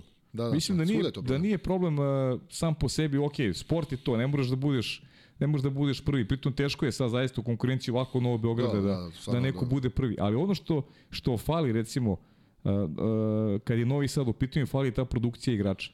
Da. Jer koliko je vas, evo, samo iz ove zlatne generacije, pritom koliko je dobrih igrača, do, o, sjajnih klubskih igrača koji nisu u reprezentaciji, ali su sjajni klubski igrači, posle napravili lepe O, karijere. Ekstremno, ekstremno dobri igrači. Pa evo recimo Boris Openski, on nije igrao, u- nije igrao u reprezentaciji on je nešto Srbije, malo ali bio u reprezentaciji, ali, Da. ali stvarno neverovatnu karijeru napravio. Ima ih, ima ih mnogo, mislim, Mnogo, ima ih mnogo, mnogo. ali, ali teško je privući te, te ljude da budu treneri posle karijere. To I je to, problem, je, da. to je jako veliki problem, ali to je ono što to je isto, ja, ja, sam, ja, ja to zameram bivšoj upravi što nismo imali kontakta s njima, ja kad sam otišao u Vojvodinu izgubio sam svaki kontakt s njima koliko sam pokušavao da budem povezan jer nemam, ja, ja volim Vojvodinu, ja navijam za Vojvodinu, Vojvodina je moj klub, ali, ali, ovaj, ali nikad nisam imao to, uh, tu prisutnost, da, me, da su me stalno vraćali tamo, da su me zvali, da su vraćali, da sam bio u kontaktu, to nisam imao nikad, nikad s njima i nije imao nijedan, nijedan igrač koji je otišao u inostranstvo, pa i ni taj Boris Papenski, ovaj, da ima sad želju da se vrati, da trenira, da bude kao trener, jer on isto, ni- mislim, on jeste, jeste mlad,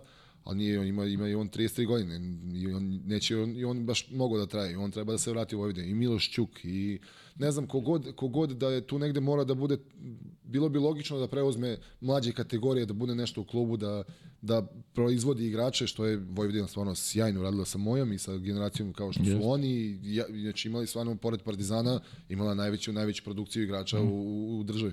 A čekaj, ili ima neko o- o- od tih igrača koji si nabrojao, ili ima neko želju da uopšte da se bavi Pa trenerskim ne, poslom? nisam, nisam, pričate između nisam, sebe, ne? nisam pričao, nisam pričao s njima ovaj, o tome. Uh Mhm. -huh. Verovatno imaju. Mislim, ima, verovatno imaju neku, neku ambiciju u tom smislu. Verovatno neko od tih igrača ima, ima to, ovaj, jer kako da mislim, šta mi drugo znamo nego da, da igramo vaterpolo. Ja jedino koga znam za sada, a da ima o- ambiciju da priča, to je Nikola, moj kolega. Pa dobro, da, ali recimo Andrija, Andrija, mislim da Andrija ima ambiciju da bude trener. Andrija želi da bude trener. Ja a? mislim da Andrija, mislim i Andrija treba da bude trener. Andrija je ozbiljan, ozbiljan genijalac i ozbiljno je, ozbiljno radi na, na sebi u tom smislu i mislim da onda i treba da bude trener i nadam se da će biti trener. Mhm, dobro, pitaću ga baš. E, e, kaže, Aleksandar Milošević, naša ovaj, redovna saradnica, u stvari ona je deo ovog podcasta, ona nije, nije saradnica u tom klasičnom smislu, kaže, prošli put je kod nas izjavio da je u Riju, kada je vidio Španca na zagrevanju, da je znao da će, e, da će, da će Srbije pobedi. Kakav utisak bio u Tokiju pred čuveni polufinalni meč? A nije takav bio. Nije, Nije, nije, Nije, bio. Ne, ne, to je stvarno, e, to sam, sećam se te situacije, baš se sećam to kad sam pogledao, pa sam ovako, razmi, gledao sam ih i razmišljao sam, kad sam vidio koliko su oni uplašili protiv, protiv nas, kad su nas izbegavali i oni, i oni svi, kad su došli, da, došli na zagrevanje, vidio sam ja da, da, da nemaju oni ni, ni kao, kao što sam ti rekao, psihologija je u sportu više nego, nego fizik, fizički pripremljen i ne znam, ja taktika i taktika je malte ne u, u tim utakmicama nebitna. Mislim, u svakom sportu nije samo, treba se pripremiti nešto, naravno da zna ekipa šta se radi, ali najbitnija je motivacija. I onda vidio sam da su oni demotivisani time što igraju s nama, da, su, da je njima teško palo što su nisu uspeli da se izbegnu, da su svi ostali izgubili. Tako da ovaj tako da sam znao tu da da da, da mislim znao, nisam znao, znao, ali nadao sam se i pritanio sam negde shvatao da da nisu došli dovoljno mentalno spremni za tu utakmicu.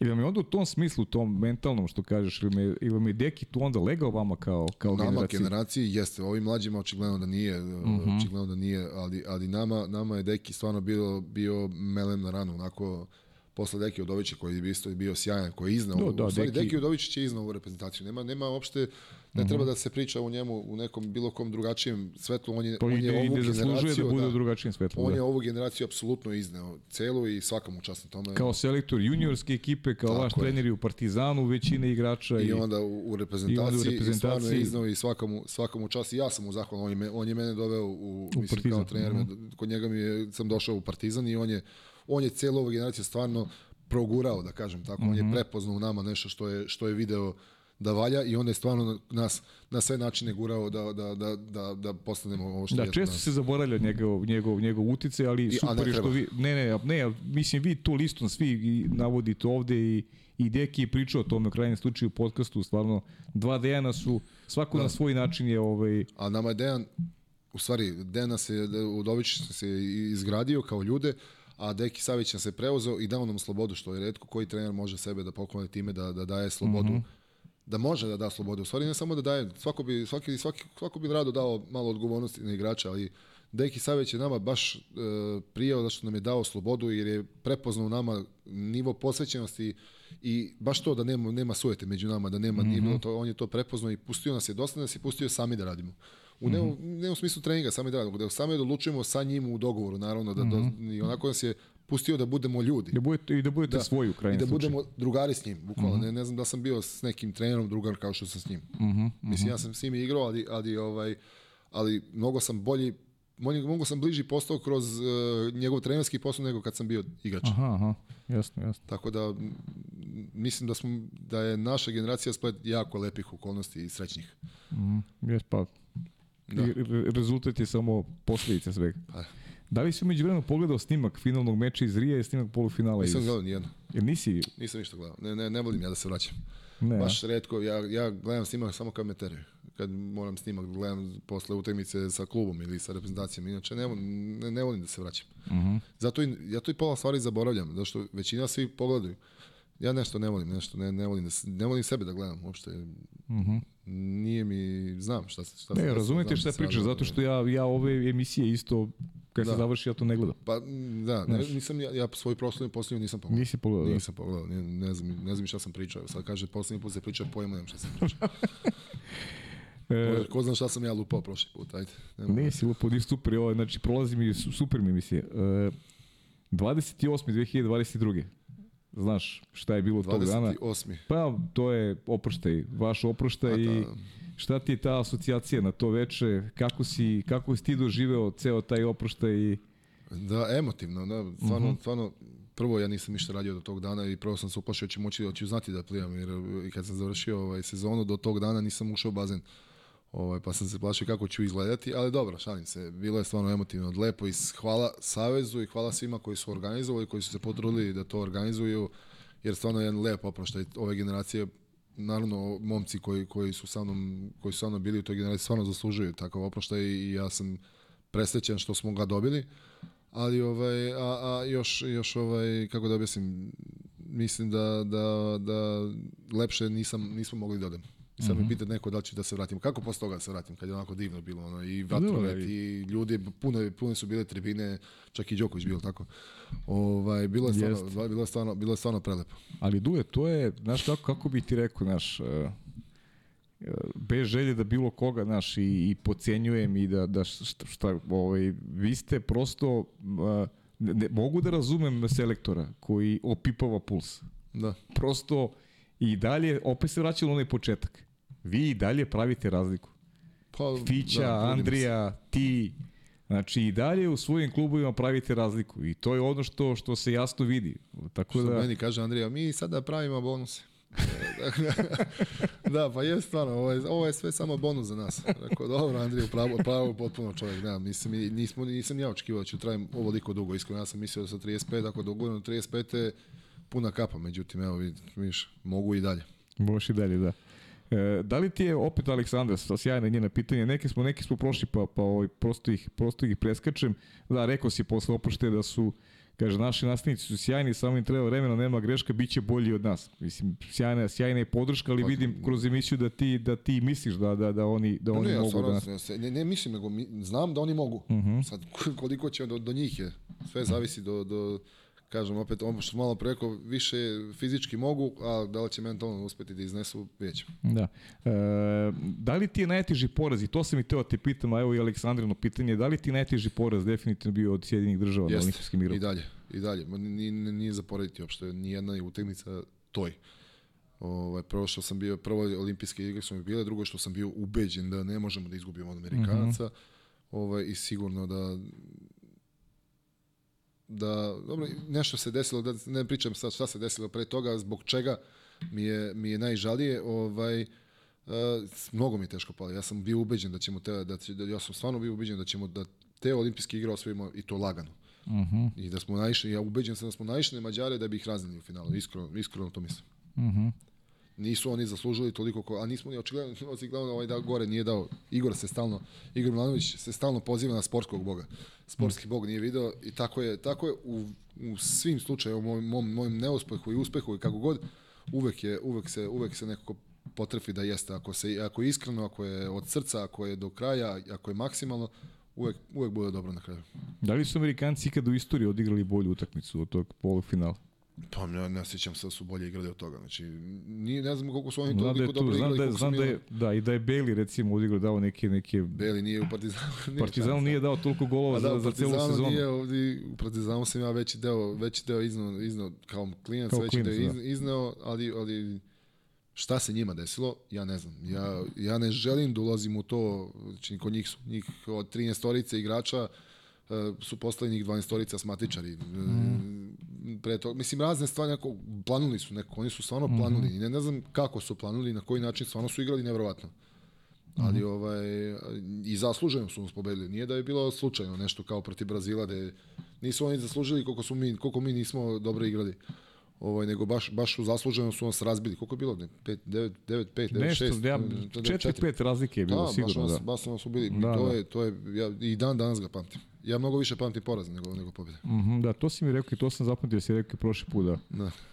A, pamtiš još neki, ali pamtiš neku pobedu koja ti je onako posebno draga, da, a da možda nema veze sa ovim olimpijskim igrama?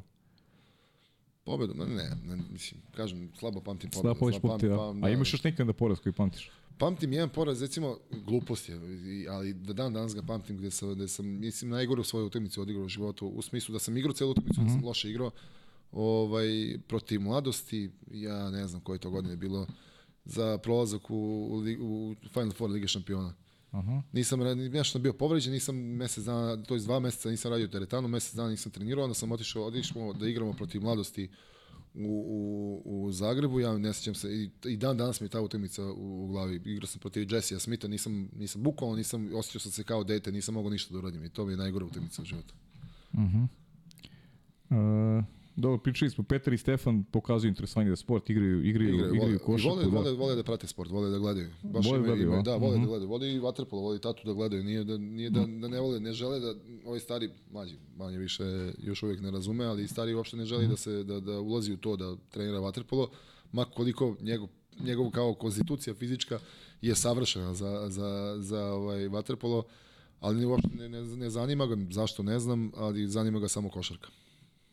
E, kaže, da li još uvijek ima želju da zaigra za Barcelonetu, tačnije da živi tamo i da nauči španski? Da, ima sam to želje, nikad mi se nije ostvarila. Hteo sam da, hteo sam da, ovaj, stvarno sam hteo da naučiti španski i tamo, mislim, volao bi da, da sam živeo ili u Barceloneti, ili, ili i u Barceloneti i u Atini. To su mi dva stvarno grada koje stvarno volim. Ovaj, I volao bi da sam živao i, i vamo i vamo, međutim nije se, nije se. Nikad nisam dovoljno pao ovaj, da bi mogao da potpišem za, za, za, za te cifre koje su oni nudili. Aha. Da. Da, da li još uvijek vozi Volvo ili je krenuo Filipovim stopama pa je promenio auto? Ni, vozim, vozim. Ja nisam čovjek koji menja auto. Ja sam kupio auto pre, koliko, 12 godina ima. I dalje ga vozim. Ne, ne, ne, ne zanima me to. Mislim, Promenit ću ga. Sad ću ove ću godine, definitivno moram da ga promenim. I moj sup, supruzi na auto, ali ja sam kupio Volvo, koji je 2000, i ne, da, 2011. godine sam kupio auto. Ovaj, I dan danas ga vozim, mislim, ne znam, i ne vidim šta je tu problem. Sva, Ne, ne. Savršen je auto. Da. Novog sam ga kupio, novog sam ga kupio i ja sam ga jedini vozio i eno ga vozi i sad sam s njime došao ovde.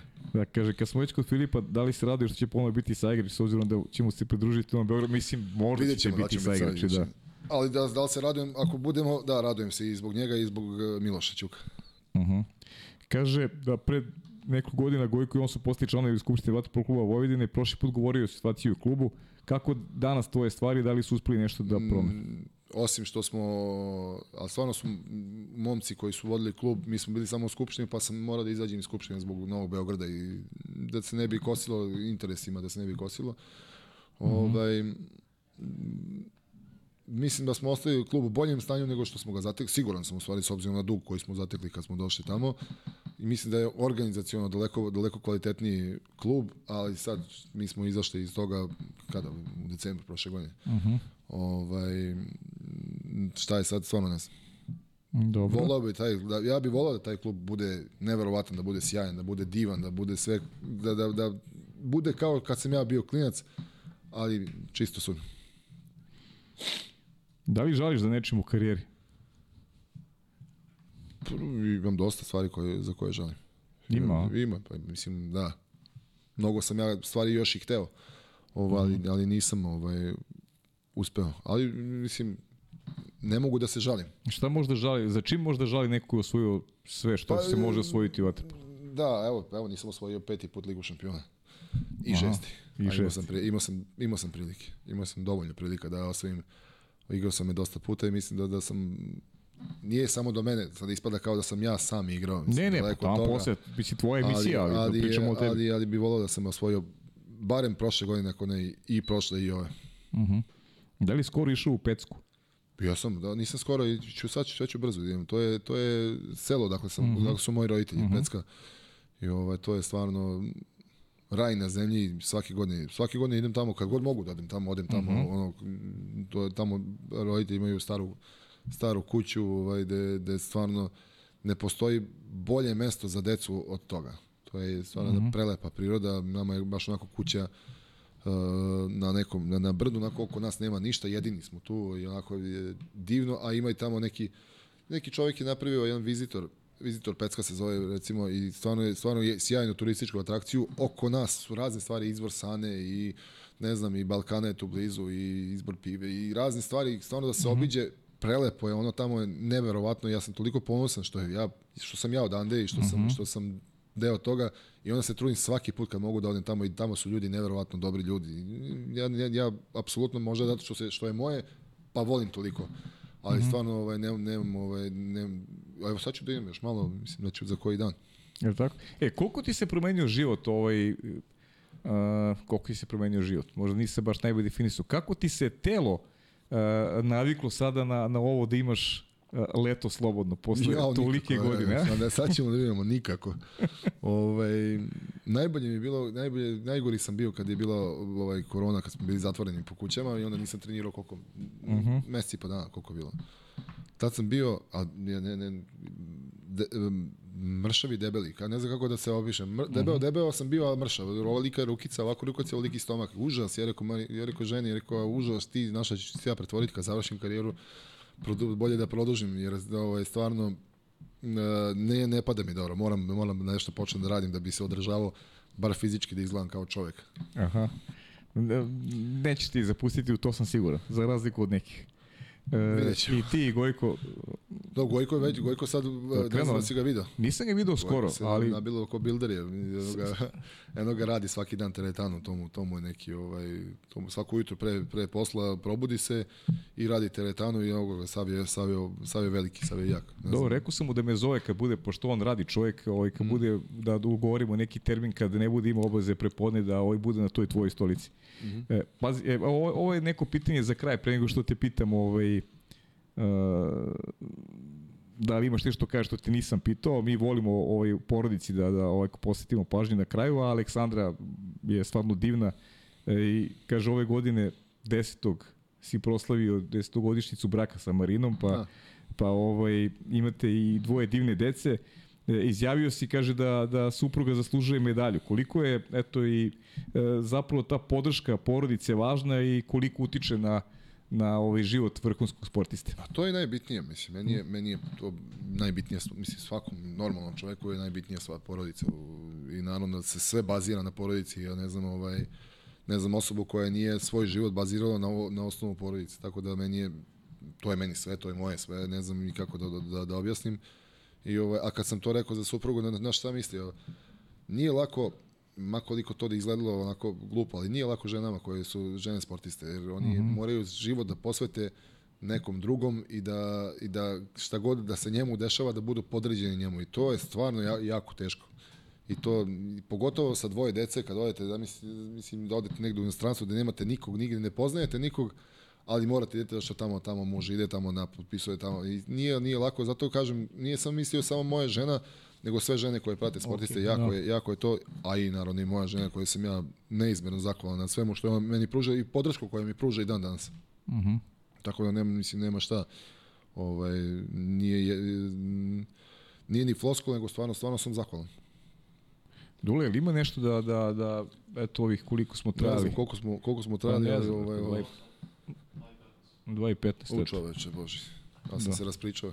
Inače, inače nisam pričao. Da, pa dobro, pustio si, to mi je drago da, da si se opustio. Ja sam, ja sam uživo, mislim, ja bi ja tebe svašta još da pitam, mogli smo da trajimo da i me 5 pitaš više, sati, ali Ne, ima, ima prilike, bit će doći i treći put. Biću, hoćeš sigurno. Ostavi nešto za sledeći Hoćeš put. sigurno. Pa neka se budeš opraštao, ostaju. A kaži mi, ovaj, e, ili ima nešto što bi još rekao na kraju, ili... Pa ne, mislim da smo prošli sve što Svašta, smo, o čemu da. smo pričali pre, da smo prošli sve teme. Dobro. Hvala, hvala na pozivu i ne, u stvari ima nešto što treba da pitaš šta misliš o ovom podcastu i o tebi i Pa, Aleksandri. mislim- Može, evo, to si me pitao. O, ja mislim da ste vi svetlo u, u, u Waterpolu i da je jako lepa stvar to što vi radite i da način na koji izveštavate, na koji pratite Waterpolo i način na koji ste posvećeni Waterpolu, ja sam stvarno, ja sam stvarno presrećen da postoje takve ljudi i hvala na tome.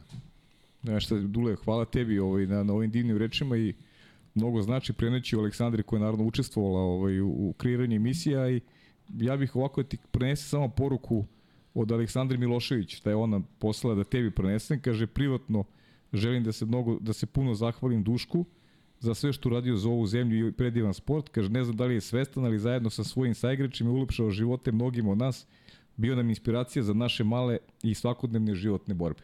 A, hvala, hvala njoj na divnim rečima ovaj, i mnogo mi je drago ako sam ikoga uspeo da usrećim i ovaj, a pogotovo da kažem u državi Srbiji. Hvala tebi, jesti, da, da znaš da jesi vi kao generacije pojedinačno, vi ste onako i razlog zbog čega ovaj podcast i postoji, jer ste ne samo uspešni, već ste i divni ljudi, tako da imaćete podršku uvek i kada završite Hvala vaše karijere i, i hvala, vam, hvala ti još jedno na, na, ovoj, na ovom divnom razgovoru. Eto, to je bio uh, Duško Pjetlović, 128. epizoda podcasta pod kapicom. Uh, za naredne neke nedelje pratite Instagram profile, kako moj, tako i Aleksandrin, pa uh, verujem da vas čeka još jedna inspirativna priča.